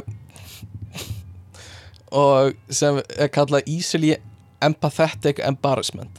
Og það er svona að þú skammast þín fyrir eitthvað sem annað fólk er að gera kringu þig eða finn, verður vandræðilegur út frá einhverju sem aðrir er að gera kringu þig. Já, og uh, þetta er oft bara það sem er cringe skilur já, já, já. Og mað, ég eiginlega tek sérstaklega eftir þessu ef þetta gerist fyrir mig í persónu. Þú veist, ég get hort á cringe myndbönd Já, og bara á YouTube en það er bara eitthvað fólk sem er út í heimi að gera eitthvað. Já, já, en, en þegar þú ert allt í hennu komin með einhverja manneski fyrir fram að þig já, sem þú veist segjum að þú sért í áhorfendasal fyrir hæfileika keppni og manneskjan er bara að mismæla sig eða róðnar eða svitna ógisla mikið eða eitthvað svona og þú færð bara svona tilfinningu einhvern veginn þar sem er bara þú færð bara inn í þig líka skilur við já Ah. Ég bara fæ þessa tilfinningu ekki sko. ok, mjög, mjög áhugavert vegna þess að það tala um að þú veist, fólk sem þú vilt svo lítið heyra þetta það, þú veist, það, þetta partur bara af svona af bara svona sympatíska kerfinu þínu skilur við, að bara vera, Já. þú veist að skil, að bara svona að átta á tilfinningum annara og bara vera empatískur skilur uh, sem er fyrst að því, að því þú ert mjög empatískur allan að svona, það er tilfinningin nema að sérst að feika en hérna uh, að þú segir að þú skiljir ekki eða þú veist, hafur ekki fundið þessi tilfinningu uh, finnst mér svolítið, svolítið fyndið sko. Býtu, en að það stangast á við að vera empatískur já, Ertu að segja það? Já, að basically þú ert ekki empatískur af því þú finnur ekki fyrir þessu í Já, mjög grófum dráttum, skilur af því Já, þeir sem, eru, þeir sem eru með meiri samkend finna oft meira fyrir svona og svona En- fyrir hönd annara Já, en sko, það sem mér sko, ef ég á að lýsa til, nei, svona hugsunarhætturum mínum. Já. og ég með dæmi að við fórum á hérna einu svona komun hérna að hérna skerði páskaleið konan hérna já, Gu- Guðný Marja Hæ, ég held að hún heiti Guðný Marja eða eitthvað slags já, þegar Já. hún kom hérna á stúdendakjallara Já. það var svona rosalega kryndstemming mhm, mhm, hún var að syngja og hún var greinlega pöntuð þetta í einhverju djóki. Já, og fólk var bara degur hlátri já. Það sem kikka inn hjá mér var svona þú veist var svona að reyna að finna einhvern hugsun á til mér þannig ég væri ekki að pæli því skilur ó þetta er lélega sungið eða þetta er leðilegt lag eða eitthvað svona. Mhm, það sem kikkar inn er meira svona eitthvað svona já nú þú verður að þú veist henni mun líða Já. ömulega ef hún tekur eftir því að fólk sé að hlæja sér já, já, já þannig að þú Einmitt. verður bara að þú verður bara að njóta hérna eða skilur já. ég fæ allt svolítið þá tilfinningu að svona þú veist ef einhverjum er lélegt uppistand skilur hlæðu þá allavega hlæðu Mhm. þó þú sérst að hlæja því að það sé lélegt skilur Já, já, einmitt Ok, já, það, þú veist algjörlega, það er alveg sjónum með sko þannig að uh, já. En kannski er ég þá að þá er ég alveg að skinja krynsið já, já, já, einmitt, einmitt. ég er alveg að finna fyrir því en ég er bara með eitthvað svona mér líður eins og ég er bara svona það channelaði öðruvísi bara. Að tjannel bara- öðruvísi. Ég er svona, ég vil ekki leifa mér að verða vandarlu fyrir hönd hinna mann Nei, ég skil það, ég skil það uh, Núna ég með hérna eitthvað sem ég skrifaði neður uh, Núna er sko vandræðilegi oft nota eins og ég sagði áðan fyrir svona samfélagslega svona hegðun já, bara til dæmis hvað getur verið vandræðilegt oft eða þú til dæmis lendir á einhverju pólitísku spjallu við vinnufélaga? Já, og, hann kemur allt í hennu ljós að hann er bara trömpisti eða eitthvað svona já, þó það sé örgulega ágætt fólk upp til hópa en bara svona, hann hefur einhverjar íkt, íktar skoðanir já, uh, já, sem þú bara já ok, þú ætlar ekki láta bólusetja fyrir mislingum. Ekki einu sinni fyrir mislingum já, já. og bara, nei, ég er með hérna bæklinga fyrir þig sem þú ættir að skoða. Og maður er bara Já. uh, uh, ég bakka alltaf út sko. Já, ég, ég, ég segi alltaf ég, ég yfirleitt bara double down og bara eitthvað, já það er svolítið sniðut sem er er hérna já, mér oft með bara- já, bara segð mér meira. Ég veit hvar ég stend bara að heyra hvað hann er hvað, hvað viðkomandi hefur að segja sko. já, um, en uh, hvað hérna uh, hvað eh, svona klassíst og hvað gerir þið vandræðilegan stressaðan? Svona, þetta er ekki eitthvað svona sérstætt atriði heldur Já. bara svona að tala fyrir framar fólk áttu erfitt með það? Um, Sko Nei, ekki svona með árunum sko. Mér finnst ég svona bara frekar svona frekar orðið þægilegt að gera það sko. Já, uh, Er kemur að tala fyrir fram fólk. Um, mhm, Ég held svona, mér finnst Já, eins og ég sagði hann Mér finnst alltaf sko heilsið. Það er alltaf eitthvað sem mér finnst óþægilegt sko. Já. Þannig að ég En- hugsa alltaf Já, ég ætla bara að segja en, en vandræðilega þagnir í samtali. Að þú ert með eitthvað sem þekkir ekkit rosa vel eins og kærasti já, já, vinkonu Júlíu eða eitthvað svoleiðis og Já, já. vinkonunar fara eitthvað og þeir eru tveir eftir já, og þeir eru búnir með, þú veist, vinnuspjallið já, og svo eru þeir komni bara í, þú veist uh, að tala um húsgögnin. Já, og svo verður það dögt og þið svona uh, já, ég alveg Ég meika ekki sko. Ég fer- ekki þagnir. Nei, einmitt, og þá fyrir hausin bara fullt bara hvað getið spurt, hvað getið spurt, hvað getið spurt hvað já. spurt, alltaf í boltanum. Fokk, hvað þetta var léleg spurning, alltaf í boltanum. Hver spyr að því, hvað getið spurt hvað getið, eitthvað svona, En þú náttúrulega að- veist að ég tala alveg ógislega mikið sko. Já, þú ert mjög góður í að fylla, þau eru þarft að fylla upp í þagnir sko, algjörlega, þú getur þetta að bladrað sko. Þetta fylgir því að vera mjög, mjög svona líða óþægilega í því að sé Mm, þögn. Þá fylgir einmitt. því að maður hefur orðið mjög góður í því að fylla upp í þagnir. Algjörlega, og sumir eru einstaklega góður í þessu. Og Já. sumir bara effortlessly hafa aldrei þagnir. Og Tommy. Og já, já, já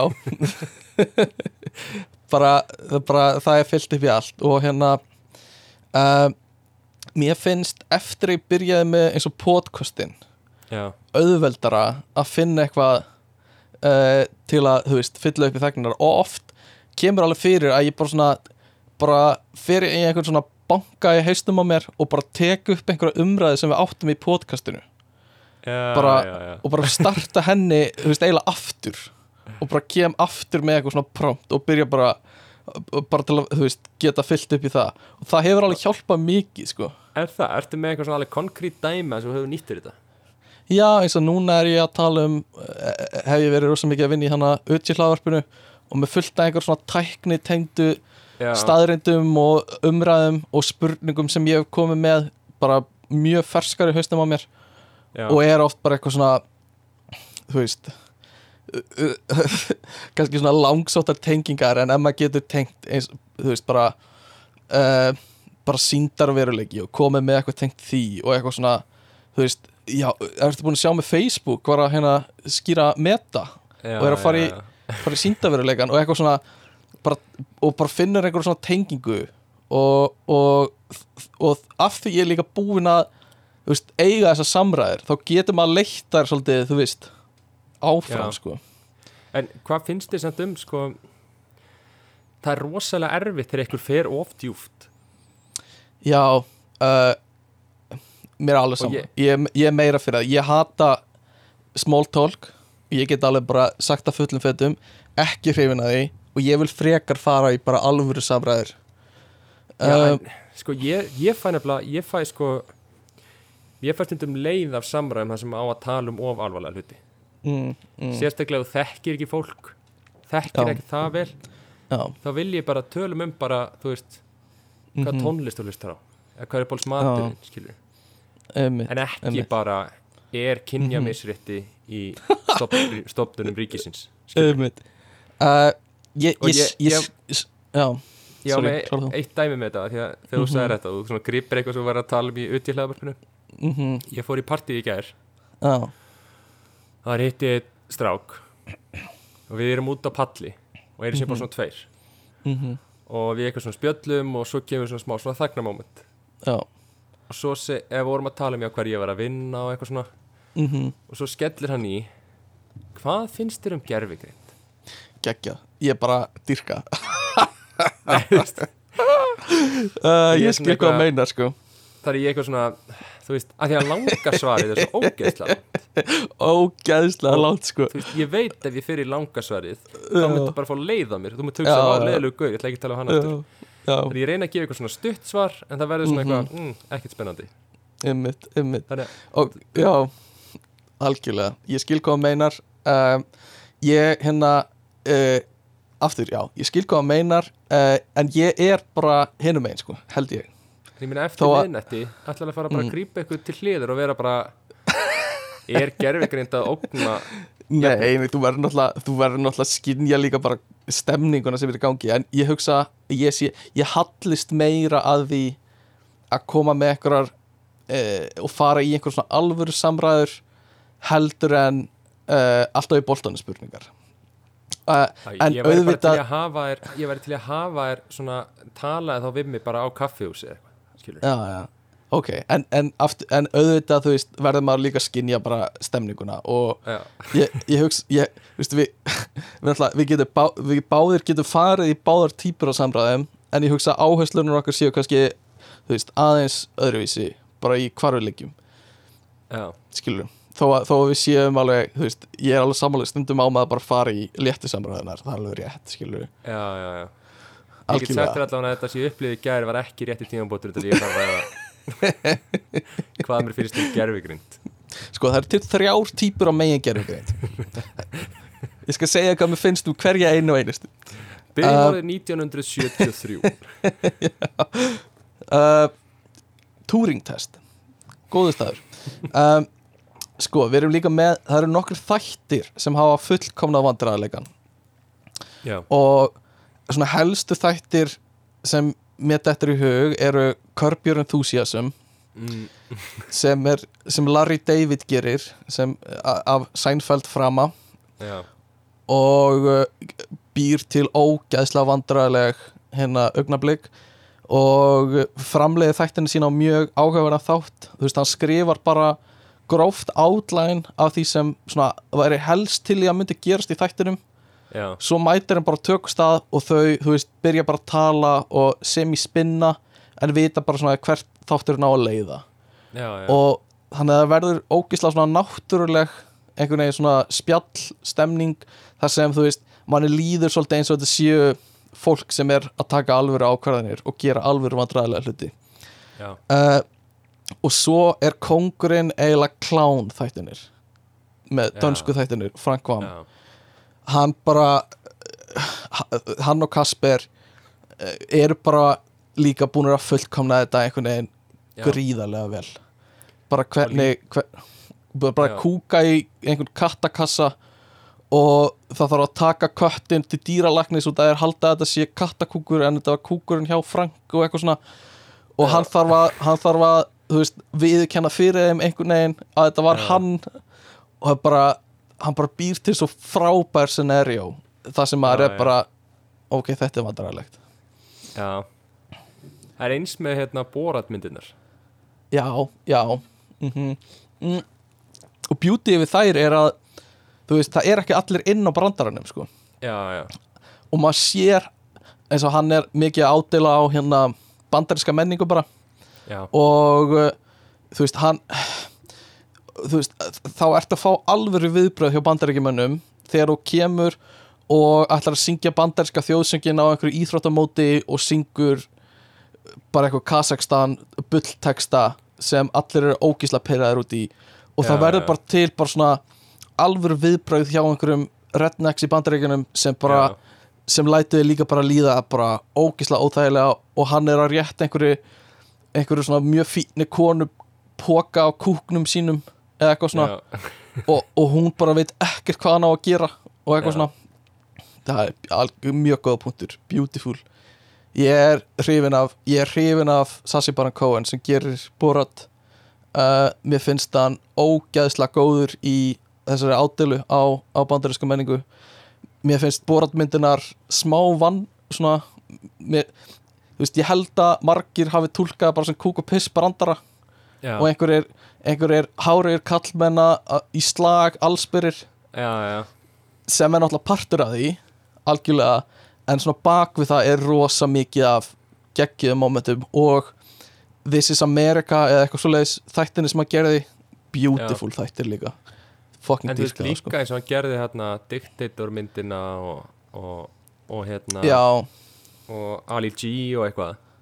Já einmitt. Dictator var held ég aðeins meira skriptið en algjörlega Ali G já, og, já, og Bruno sem er Já. fast svona á, á tísku yðnaðin svona En Bruno ádela- var svona meira joke Minni ádela joke já, en samt alveg, þú veist uh, sama típa af, þú veist fara inn í tísku heiminn og Já, já, fólk vissi ekki að þau var að taka upp grínmynd Já, með einmitt. Baron Cohen það hjælt að þetta væri alvöru þýsku, eða austurískur hérna, eitthvað módel sem hétt Bruno og var í franskum rennil á skalla og festist við alla bakgrunni og eitthvað svona.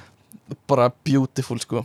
Og líka bara sjá hvernig tísku heimurinn bregst við einhverju svona þú veist, svona smá nýju fötin keisarans bara, ef þú- ert ekki að fíla þennan gæja þá ertu algjörst no-name, skilur Já, já, eða þú veist, þá veist ekkert hvað þú ert að gera. Þannig að allir voru bara, já, Bruno mjög, mjög ferskur og nýtt andlit í tísku heiminum, eitthvað svona Já, er, en pældi hvað hann er búin að gera sig sögulegan með þessu Mhm. myndum því að þú veist, það er engin annar að vinna með þetta koncept, skilur nei, ég er bara eiginlega ekki, sko, ég raunin ekki, sko Þú veist, ég, Alveg klárlega. eina myndir sem ég man eftir var hérna Johnny Knoxville, grabba myndin það er bara eina Mhm. Já. myndir sem ég man eftir Já. sem var svona hybrid svona Algjörlega. real world scenario Já, mjög góða punktur Það er gott YouTube channel líka sem heitir Channel 5 sem er strákar sem heitir Andrew sem er fer á oft svona eins og mótmæli bandaríkjunum eða conventions og eitthvað svona og er að taka viðtöl við fólk sem eru bara cringe bara holdgað holdguð klía basically og er að taka viðtöl við og þú veist eins og Trump rallies og eitthvað svona antifa draslu og eitthvað og fólk, það sem fólki lætur upp úr sér lætur manni líða, vandræðilega fyrir þeirra hönd en Já. þau átta sig ekki á því sjálf að öðrum finnst þetta eða, veist, að, að þau eru vandræðilega eða asnalega já, og, og hérna ógeðslega svona áhugaverð bara svona sjóna með um hvernig bandaríski pöbullin er að, hérna skoðanir þeirra.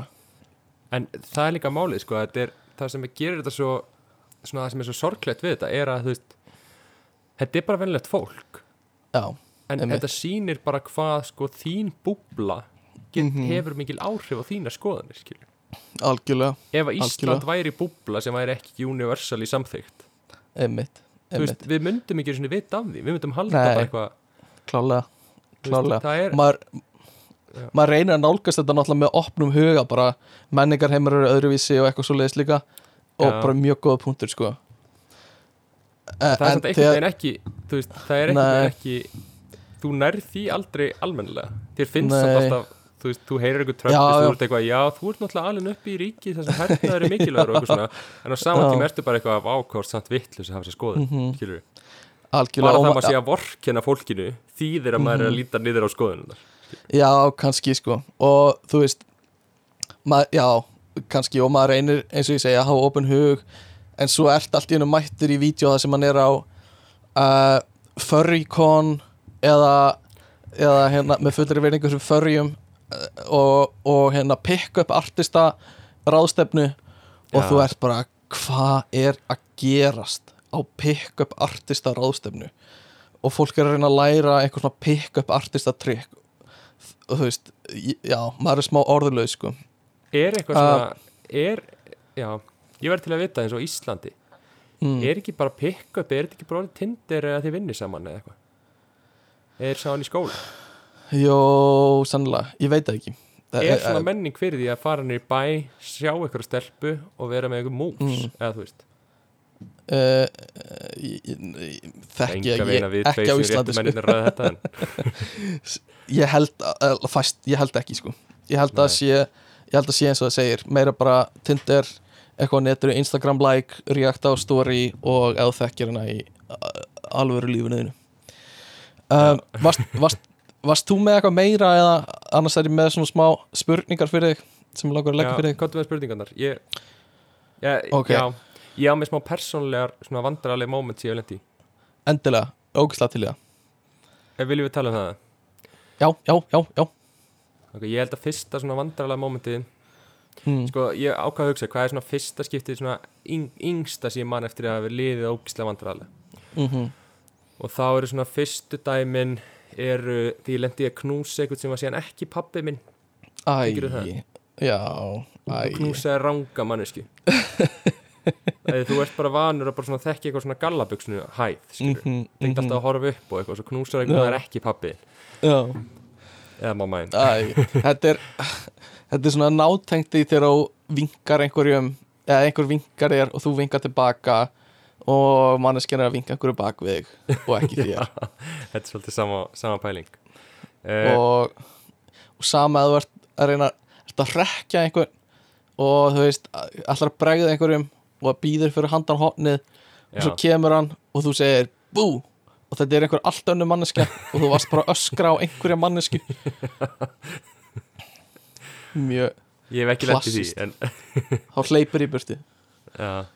en sko, eitthvað sem ég man eftir sem alveg svona konkrít svona þessi Mm. upplifun sem þú færi það er eitthvað er það vandralegt að því langar Mhm. í alvörun að hverfa já, og það var sko því ég var svona í grunnskóla já, og ég er í svona hvað ætli ég sé ekki, sjöunda bekka eða eitthvað hvað er Mhm. maður, 12 ára eitthvað svo leis já. og ég er skotin í þetta stelpu. Mm og ég er svona að mana mig upp í að segja henni þessi skotin í henni. Já, og svo sendi ég henni á MSN ég er skotin í þér. Oh boy. En ég sendi það ég sendi það þegar hún er offline. Já, af því Ok. ég held að hún fá ekki skilabun ég veit ekki alveg hvað var að fara í gegnum hausin á mér það var eitthvað svona, já, þú veist þú veist, að ég sendi skilabóðin og svona prófa að senda þau. Æ, já, já, já en fattaði ekki að þau myndu sendast þegar hún kemur online. já, já, já þetta var versta moment lífsmins þetta er að vandra allt ég lendi í. Já, og þurfa að finna afsökun fyrir því. Já, af hverju komið skil oh boy. Þau varst ekki að vera viðkynna á þeim tíma sko. Mm -mm, mm -mm. þurfa samt að finna afsökun fyrir því að segja já, nei, ég, hm, ég sendi þetta ekki. Mhm. þetta er eitthvað, eitthvað annar að gera þetta. Vinu minn. Eh, Vinu minn. Þannig þetta var svona þetta var eitt moment sem var alveg bara svona bara Mhm. svona life defining vandrarlegt sko. Einmitt, farið einhvern tímann svona þegar þú hugsa tilbaka uh, aftur í tíman um eitthvað sem þú gerðir þá sem þið fannst kannski svona frekar eðlilegt þá en núna hugsaður þetta var vandræðilegt eða þú veist, hvernig datt mér í huga að gera þetta þá? Uh, þú veist, já eins örglega, og ertu bara- eitthvað svona dæmi í huga? Um, ég, einhvern tímann ég held ég hef sagt þetta einhvern tímann í podcastinu áður en þú veist, bara svona svipað og, og þetta þegar maður var skotin í einhverjum í grunnskóla já, og ég held ég hef einhvern tímann sagt við manneskuna að hún myndi mig svo mikið á frængu mína. Eitthvað svona og þú veist, þú veist þá var maður bara eitthvað svona var ég ekkert að pæla mikið í en núna ef ég hugsa tilbaka þá er bara hvað var að fara í gegnum hausina þér? Bara hvernig er þetta góð hugmynd? Og, og já en átti, svona var þetta eitthvað pick-up artist að lína? Já ég, ég lærði þetta á, á ráðstefninu sem ég fór á. Tengi ég við fjölskyldumæðlumi Eh, þú veist, var, þú veist, á þessum tímabúti sagður þetta, Mm. þú veist hver var, pæ, var eitthvað pæling á baku þetta? Bara tengja sko. Bara ná einhverju tengingu sko. Bara opna eitthvað spjall. Já, bara ná einhverju góðri tengingu. Ídeli hefði hún sagt eitthvað svona eitthvað svona vá, en áhugavert. Uh, segð mér meira eða eitthvað svona, ég veit ekki. En hvað sagði uh, oh my god uh, örgulega bara svona klassíst já. Ok, ok, gerum þetta ennþá vandræðilega, ég skal segja meira en ég bara, ég hef sagt þetta áður í einhverju þætti en Nei, bara fyrir út í aftur. Til að gera þetta ennþá vandræðilega þá sagði ég þetta þegar við vorum í miðjum svona dans íþróttatíma. Þú veist, þannig að við vorum við vorum þú veist, að læra einhvern svona samkomistans eða eitthvað svona þannig að það var ekkert, hún gæti ekkert labbað í burtu skilur við þar þannig að við, já, við þurftum bara að halda áfram og ég held hún hafi bara svarað með eitthvað svona, já. Og s- svo, já. Æ, Íslaður kannski eira á henni. Nei, ég gerði það, við vonaði ekki. Nei, ég gerði það ekki. Það, já, æ, þetta læti mig líða illa sko. Þannig að Já, Já, þetta þetta- er já. mm, ég, já, þetta er svo mikið af svona vandrarlega moment ég maður líka að við fórum á paraball var paraball hjá þér í grunnskóla mm -mm, mm á paraball hjá okkur, bara því en hræðileg hugmynd fyrir krakka í Já. áttundabekk. Já, já, það er það. Mjög, Ég- mjög. Ég bauði stelpa á paraballi, Já, sýstur Kristó. Já. Og hérna, Sest, Og- Sistur ein, ein, eins besta vin- vinna eins já Tvíbara systir eins besta já. og við fórum á paraballi mm. og ég talaði ekki við hann allt æj nema eitt skipti fór ég í sjoppuna. Já, kefti mér nammibóka, já. Borðaði nokkur sjálfur. Æj, og æj, æj gaf henni afgangin Já, eins og þetta. Þú veist, á, á tí á, Þegar þú varst að gera þetta Þá varstu Þá varstu örgulega bara að reyna að komast eins þægilega frá þessum aðstæðum og gast. Já, já, En svona horfandi aftur tilbaka Þá er maður bara svona Ég sagði ekki orð við hana. Hvað, hvað er ég að pæla? Shit, Já, það er mjög fyndið. Uh, Varstu með meira? Eða, að, ok, ég með líka nokkra sögur sem ég fann á netinu uh, sem, sem gæti verið gaman að fara yfir sko. Uh, ok, hérna er ég, ég ætla að reyna að þýða þetta bara beint af því mig grunar að það gæti verið ennþá vandræðilegra ef þetta sé á íslensku. En þetta er allt ok, líst vel á. ennsku uh, semast, fyrsta stefnumót sem ólingur og hann segir, hún kemur yfir eða hún kemur til mín og, og segir hæ og svo setjast þið niður og horfum á mynd. Og horfum á myndina svo segi ég bæ og hún fer og hún satt uh, 20 cm frá mér allan tíman og við sögðum ekki stakt orð. Og horfðum bara sjónarspið Er þetta fullorði manneskja? Nei, þetta var, hann var úlingur sko. Fyrsta date Já. hans. Pældi hvað það er vandræðalegt að þú ferð á date með einhverjum í svona Netflix dæmi. Já, Þeir setjast bara niður Horfir á einhverjum mynd já, Og segja ekki orð Og svo þegar myndin er búin þá er svona Jæja, bye bye. Ég gæti þetta ekki sko. Nei, bara ekki séns, gætir þú setja heila mynd á þess að segja orð, þú gætir það örgla. Já, já, bara bókað sko. Uh, Algjörlega sko. En ég myndi sennilega ekki reyna að ég var að stefna móti sko.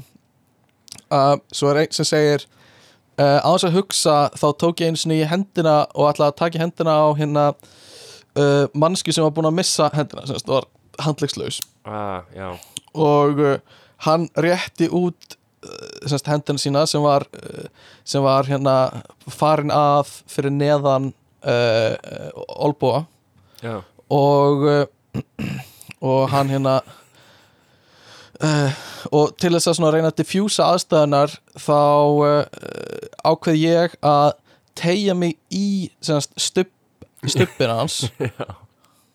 Og byrja að hrista stubbin hans upp á þurru. Okay. Uh, og þurfti að tegja mig svolítið langt til að ná í hann.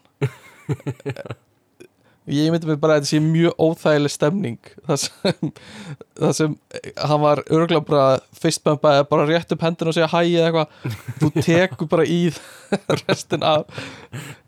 Halló. Hann samt réttir út stubbin sko. Já, já. Er ég veit ekki alveg já, hlýtur að vera eitthvað sko.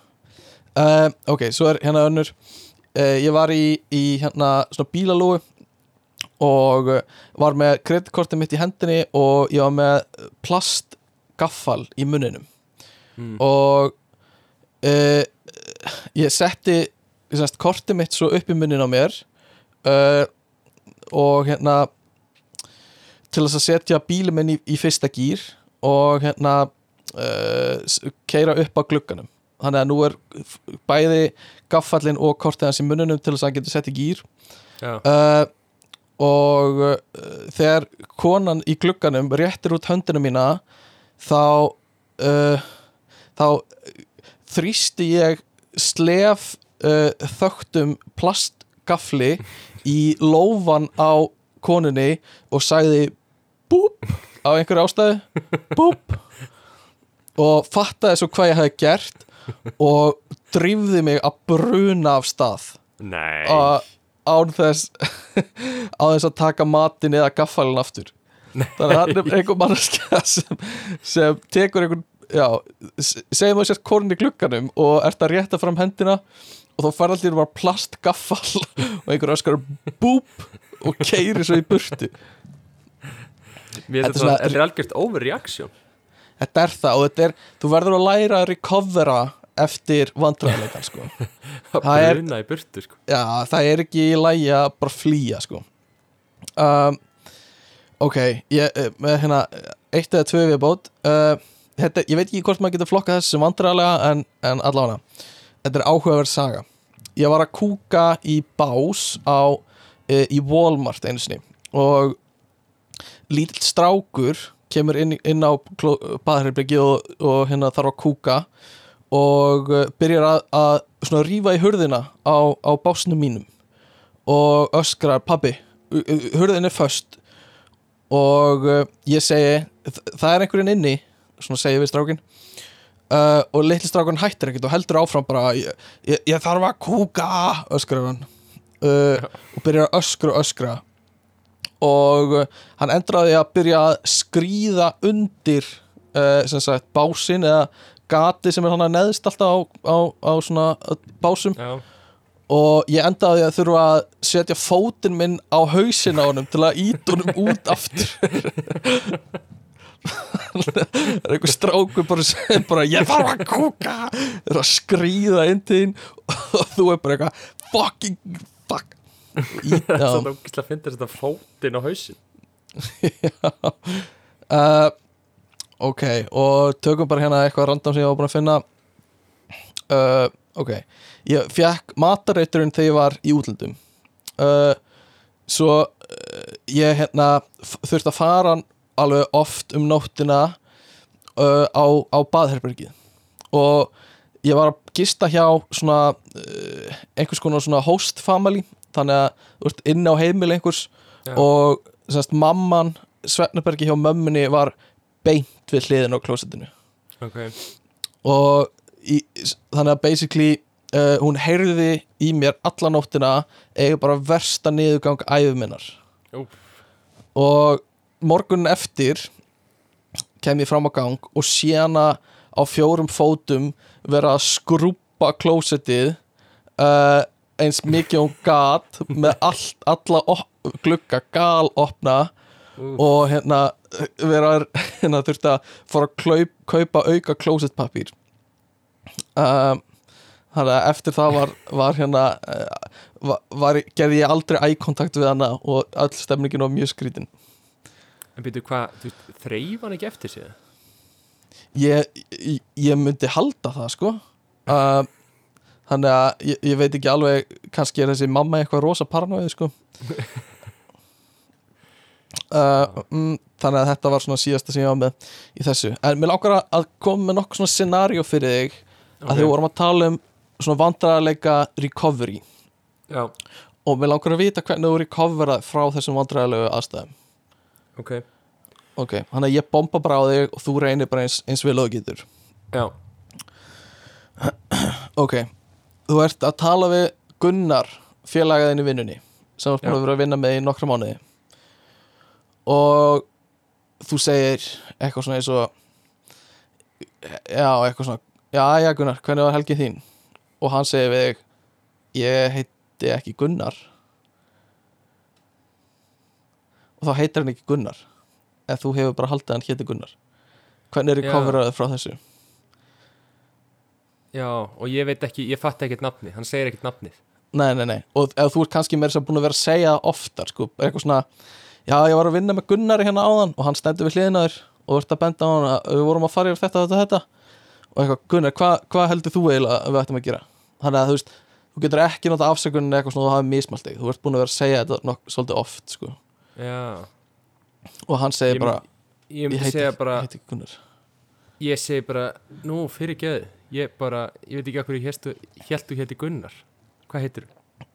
Það er mitt. Myndur alveg, já, myndur alveg bara heldur þú, myndur þið líða illa ef þú væri búin að vinna saman í nokkra mánuði? Þú veist Já, já. Eh, Ég veit það ekki. Nei. Ég meina, þetta er bara nafn. Ok, Það ok. man engin nafni mitt í vinnunni. Já, Ég með svona fimm nöfn í gangi sem fólk notar. Það er reyndar, það er góða punktur Kans, Já, kannski aðeins öðruvísi en samt góða punktur. Mm. Ok, næ, næsta ert að ég, hefði aldrei, ég hefði verið alveg viss um að ég væri með nafni rétt sko. Ég hefði aldrei lent í þessu sko. Ég hefði ekki verið bara eitthvað Já, Jói. Veist, Það er alltaf að sleppa Mhm. nafninu. Já, það er yfirleitt hægt sko. Þú getur alltaf sagt Já. bara, hei, þú varst að vinna í þessu ekki? Mm -hmm, Það er þetta Það er rétt. Um, Ok, næsta aðstæða Þú ert að halda stóra ræði fyrir framfylgta fólki. Já, og uh, þegar þú ert að byrja þá uh, gerur þú mjög stórt og eftirtæktavert voice crack í röddina þína. Góðan daginn, góðan daginn, góðan daginn, góðan daginn. Ég heiti Guðmundur, ég er að fara yfir skýslu dags, eitthvað svona. Já, Hvernig er í cover eru? ég segi afsakið múturnar að kikkun Þú reynir að gera grína þessu í staðan fyrir að bara ignora ég nú kom á þann aldur að það er að fyndi grín, skilur mm, Ég skil þig, ég skil þig. Myndir ekki hendi eitthvað svona eins og uh, Eitthvað svona sp, sp, uh, Spin those records DJ Nei, það myndi ekki aðstæða þetta miklu verri, sko. Hvað er bara remixið í gangi Eitthvað svona? Nei. Mm, Það gefur Ok. okay. ekki væpi frá þér svona að mér líður illa með þetta. Já, ég skil þig. Ok, ok, bara gerir smá grín og heldur áfram. Já, Ok. Uh, Hvernig dílar við þessar aðstæður? Þú ert með góðum, eða svona þokkulega góðum vinniðinum já, í, í hópa fólki og allir aðrir sem eru með ykkur uh, eru vinir hans sem þú Já. þekkir ekkert rosa mikið. Já, bara svona aðeins. Uh, og þú ert að hérna uh, þeir eru að spjalla saman og þú hefur einhverja ákveðna skoðun á einhverju sem já, aðrir hafa ekki uh, eins og til dæmis bara uh, þú vilt þú ert á þeirri skoðun að þér finnist að það er að gefa hafa smokka aðgengilega í öllum grunnskólum eða eitthvað já, og allir aðrir í kringum fara bara ha? Nei? Hva, hvað ertu að tala um? eitthvað svona og bara bara eru mjög ósamla og bara finnst allir vinnir semst vinir vinnaðins eru bara bara gefa frá sér orkuna bara hvað hva, hva er að þér? Já. Orkuna. Hvernig, hvernig dílar þau Bara, ég myndi bara segja Þú veist, hvað meini, er það ekki eðlilegt eða hvað, hvað er eitthvað skoðun? Þannig ég hendi strax yfir, gef þeim orðið sko. Mm, mm, Það getur, þú veist, fólk vil bara segja sína skoðun Ég er alveg skil samum þína. Það vil bara koma sinni skoðun á framfæri sko. Mm, mm, Þannig fjúsar það sko. Ok. Uh, ok, ég er með tvö eftir. Okay. þannig að næsta scenario er þú ert uh, þú ert uh, heima hjá tengdafóldurinnum Já, og uh, uh, segjum að já, og, og hérna að, þetta er svolítið að því þú hefur eiginlega búið með tengdafóldurinnum já, en allan reynum bara að setja okkur í aðstæður þar sem þú hefur ekki búið með tengdafóldurinnum ok. Og þú ert hérna þú ert á klósetið og lappar inn og, sé, og, og lappar inn á tengdapappaðin vera kúka. Já, og þú veist bara uh, þú bara stendur í hörðinni með opna hörð og það er augnaráð nei, aug, aug, aug, eye contact, bara augsamband já. Hvað gerir hvað er, næst, bara- hvað er næstu skrif Ég, þú veist Í raunverulegum aðstæðum þá er þetta bara sorry og ég myndi skella hurðinni sko. Já, ok. Er eitthvað, en, eitthvað svona er einhver eftirleikur af þessu? Kommentar á þetta eftir á Nei, segir einhverju aldrei frá um þessu? sko. það er bara það er aldrei um þetta aftur. Segiru kæristinni frá þessu? Þú veist, já, já, bara svona setna Þú veist, ég væri ekkert eitthvað að fara bara til Júli og væri bara, herri, ég verði að segja þér. Mm, bara núna, bara Júli að kotta til hliðar þú veist, en ég veit ekki. Ég, meina, ég held bara allt sem þú myndir segja myndi gera þetta verra. Já, ég skil ég að það er með eitthvað grín, það er bara vandræðilegra mhm, mhm, emmitt ok, Æ, þú veist, e, meiri sem hann kæm út og þú var eitthvað þú veist, stríkur með öxluna eitthvað fyrir geðu maður, ég vissi ekki að væri hann inni. Það gerir eitthvað svoleiðis, það er allt skrítið já, já, það er það sko. Ok, uh, síðasta. Þú ert uh, inn á skrifstofu hjá yfirmanniðinum sem stekkur aðeins fram. Og þú snýrðir við og rekst í vasa. Já, uh, sem er á skrifborðinu. Og hann dettur í gólu og brotnar. Og veist að þetta er svona uppáhaldsvasin. Ok. Skilur hann geymir blómur frá konunni sinni yfirleitt hana. Uh, hann kemur tilbaka og sér þig standandi yfir vasanum brotnum, Já, hvað gerir? Ég bara útskýri fyrir honum, ég rakst í vasan engin afsökun um að um þú veist það, ég veit ekki, einhver köttur hafa komið fyrir til hvernig aðstæða þetta voru, skilur ef ég, ef veist, þú hvað ég var að gera. myndur þú ljúa þú þú gætir, ef- hefðu hef mögulegan eða væri alltaf hundur í skrifstofunni eitthvað svo leiðis ekki, þú veist, það verður svolítið langsótt sko. mm. en ef ég geti logið til dæmis að ég hafi nú bara verið að bara snúa mér við og setja á mig töskuna og þá hefði þetta farið í vasan frekar heldur en, Já. þú veist ok, að sorry ég hafi verið að skella löppunum á borðið og ég sparkaði hann þetta, þetta var svolítið að vantaði svolítið í þessu sögu. Uh, það sem þú varst að gera var að tegja þig yfir skrifborðið til að reyna að skoða launalistan hjá fyrirtækinu sem, sem lá á hinum endanum. Ég myndi ekki segja Og- það. Ok, þannig að þú myndir skilja það eftir en, en haf spyr hann bara hvernig raksti, hann er á skrifborðinu mínu vasin. Já. Hva, hvað varst að gera til þess að veist, fara í vasan sem er á skrifborðinu mínu? Þú getur ekki að rekist í hann. Nei, ég myndi bara segja eitthvað, veist, að ég ætla að tegja mig í penna og fá penna hér til að skrifa neyra svo var ok, það er, það, er, gott, það er quick thinking. Bara vel gert, það er gott. Og ok, höldum, höldum að, bara að því við höfum tíma og að því Ok. við erum, erum fokast, höldum að það sáfram með þetta uh, nákvæmlega þetta scenario Já, og hann segir það, það er, það er við, við notum bara tölfur við erum pappíslu skrifstofa. Það er engin penni á þessari skrifstofu. Ég væri vantilega Hvað- búin að tjekka á penna dæminu fyrir það. Ok ok. Uh, já, ok, gott, gott, gott, gott. hérna, ég, ég er búinn með mitt held ég. Já, um, og uh, bara skemmtilegt, góð þáttur held ég. Uh, gaman að spjalla við þig. Já Ertu með eitthvað meira? sem Nei, þú ég held sé bara, hvað er búin vera lengi? Uh, 1.50 cirka. Já, já, bara heil langu þáttur. Já, já, góður bara. Og Þú getur hérna alveg aftur glimt þessu mánuði í pásu. Já, segðu. Uh, Aftur uh, Við hérna erum styrtir af spjalláttum í bandarækjunum Og uh, Já, bara við viljum sem þakka í fyrir að falvan hlusta. helst Já, og bara takk fyrir þá sem eru ennþá að hlusta Og komið aftur eftir pásu. Já, Og uh, Já, bara uh, Já, ég veit ekki hvað ég segja. Smá vandræðilegt eitthvað. vikunar Já, eða, bara- Nei, eða Við- bara óskum Hérna- ykkur Eh, velferðar. Nei Á Nei. nýja laxa veiða ár Nei, farsældar Já. á komandi Á- komandi viku. laxveiða viku lagsveiði á, Ok. Já, lagsveiði tímabil laxveiði tímabil Já, farsalt ok, takk, gleð, gleðilega á- viku til hamingju. Með af, anna afmæli í dag. Takk, bye